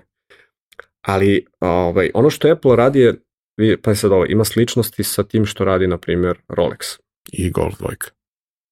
Pa, ali u, u kom kontekstu? A, oni pravi, ili Porsche, Porsche je dobar primjer, 911 konkretno kao model. A, oni prave inkrementalni skok iz modela u model. Znači, to nije revolucija, jer i ne može biti. Niti Dobro, on, bilo je u par navrata, ali je, mislim da smo sve već izvrteli što može se desiti. Jest. I oni su došli do toga da, znaš, te promene, znaš, ono kao da li će mi ta brzina procesora omogućiti da mi se aplikacija otvori za 0,01, a ne 0,02 sekunde efektivno, znaš, kao to jeste duplo brže, ali meni ne predstavlja benefit nikakav, tako, ne osjećam to. Ali poenta da, da ovaj, imaš taj ekosistem, imaš tu vrednost koju generiše, ali taj sam Apple koji je možda skuplji u startu, njegova rezidualna vrednost, odnosno vrednost nakon eksploatacije od recimo četiri godine je dramatično veća od ovog Androida, odnosno ovog Samsunga, jer ovi sad, pardon, ne, sad sam rekao. Nema veze. Nemojte seći ovo, ne ovaj, jer vrednost tog Androida je manja, jer oni prave promene takve da se više ono, ne bave, a ti za ono, iPhone, sam, napomenuo sam u jednom ovaj, isto podcastu gde sam gostovao ovaj, Senzal, moja mama je imala do skoro iPhone 6, ti si posle 6 imao sedmicu. Imao si 6S.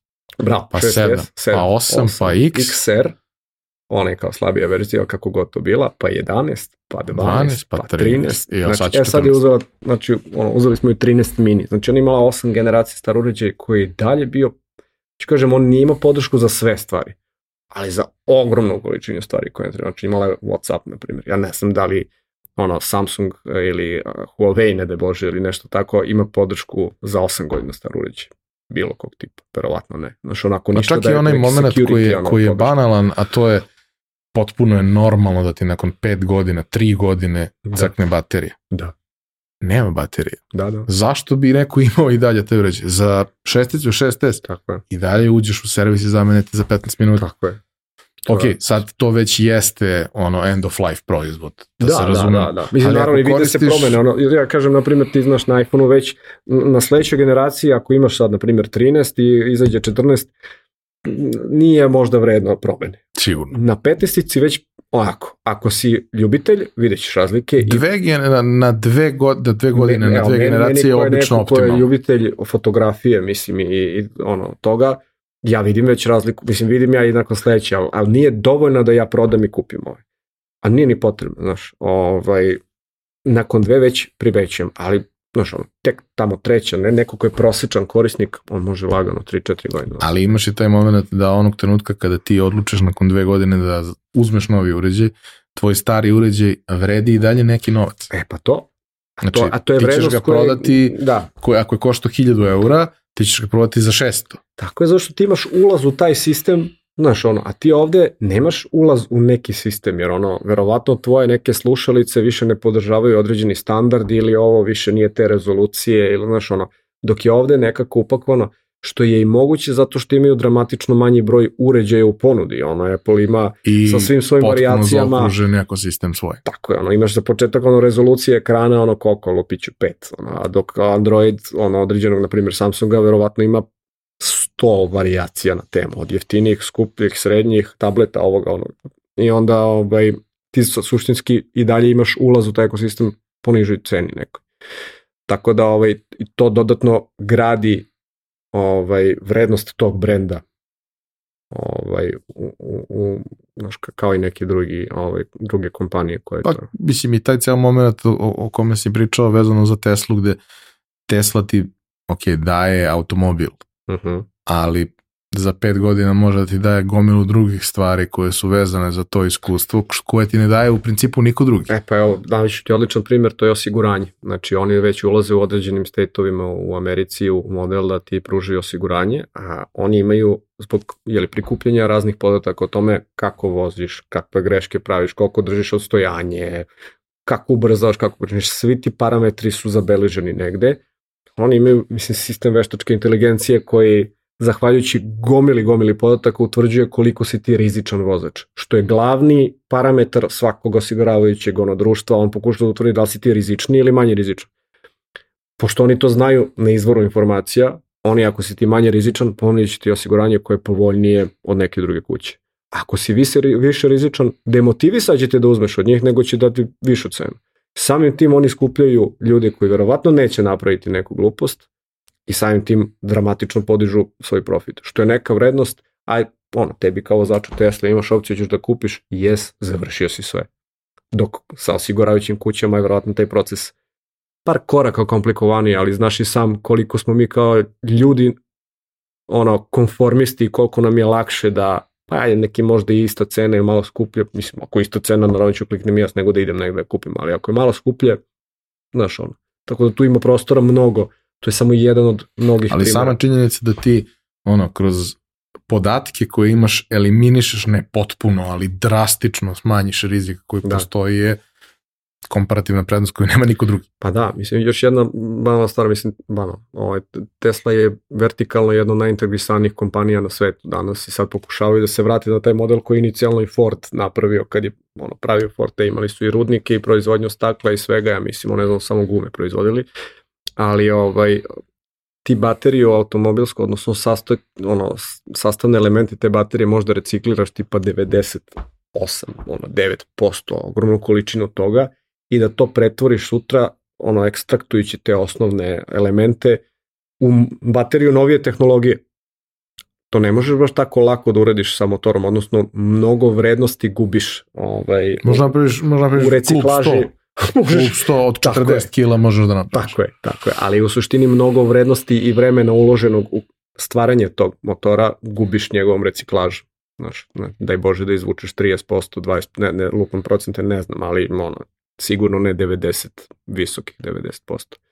Tako da, znaš, to je opet jedna od stvari, ok, to će i druge kompanije imati, ali tehnologija koju oni razvijaju, koja im je omogućena tom vertikalnom integracijom, je ono daleko ispravno što kažu ovaj što kaže Musk odnosno ajde Tesla njihova jedna od glavnih prednosti danas odnosno sutra neće više biti baterija svako će praviti auto koji može da pređe sutra 1000 km na primjer nego je upravo ta proizvodnja i ta simplifikacija, pojednostavljivanje proizvodnog procesa, da ti... Pa kontrola celog procesa, za I početak. kontrola i pojednostavljivanje i, znaš, ono što kaže, gledao sam čoveka koji je ekspert, ono, i to pratim, ono, čovjek koji se bavi analizirom, analiziranjem svakog dela na auto, rasklapanjem na ono proste činioce. Bukvalno u jednoj generaciji samo izbacili umesto 8 šafova da ima 4, ono, ta u to, izba, to, ta promena je donela uštedu od, ne znam, 2-3 miliona, na primjer, dolara na, na nivou ne samo materijala, nego koliko vremena treba da se ušafi duplo manje šrafova, koliko to usporava ceo proizvodni proces.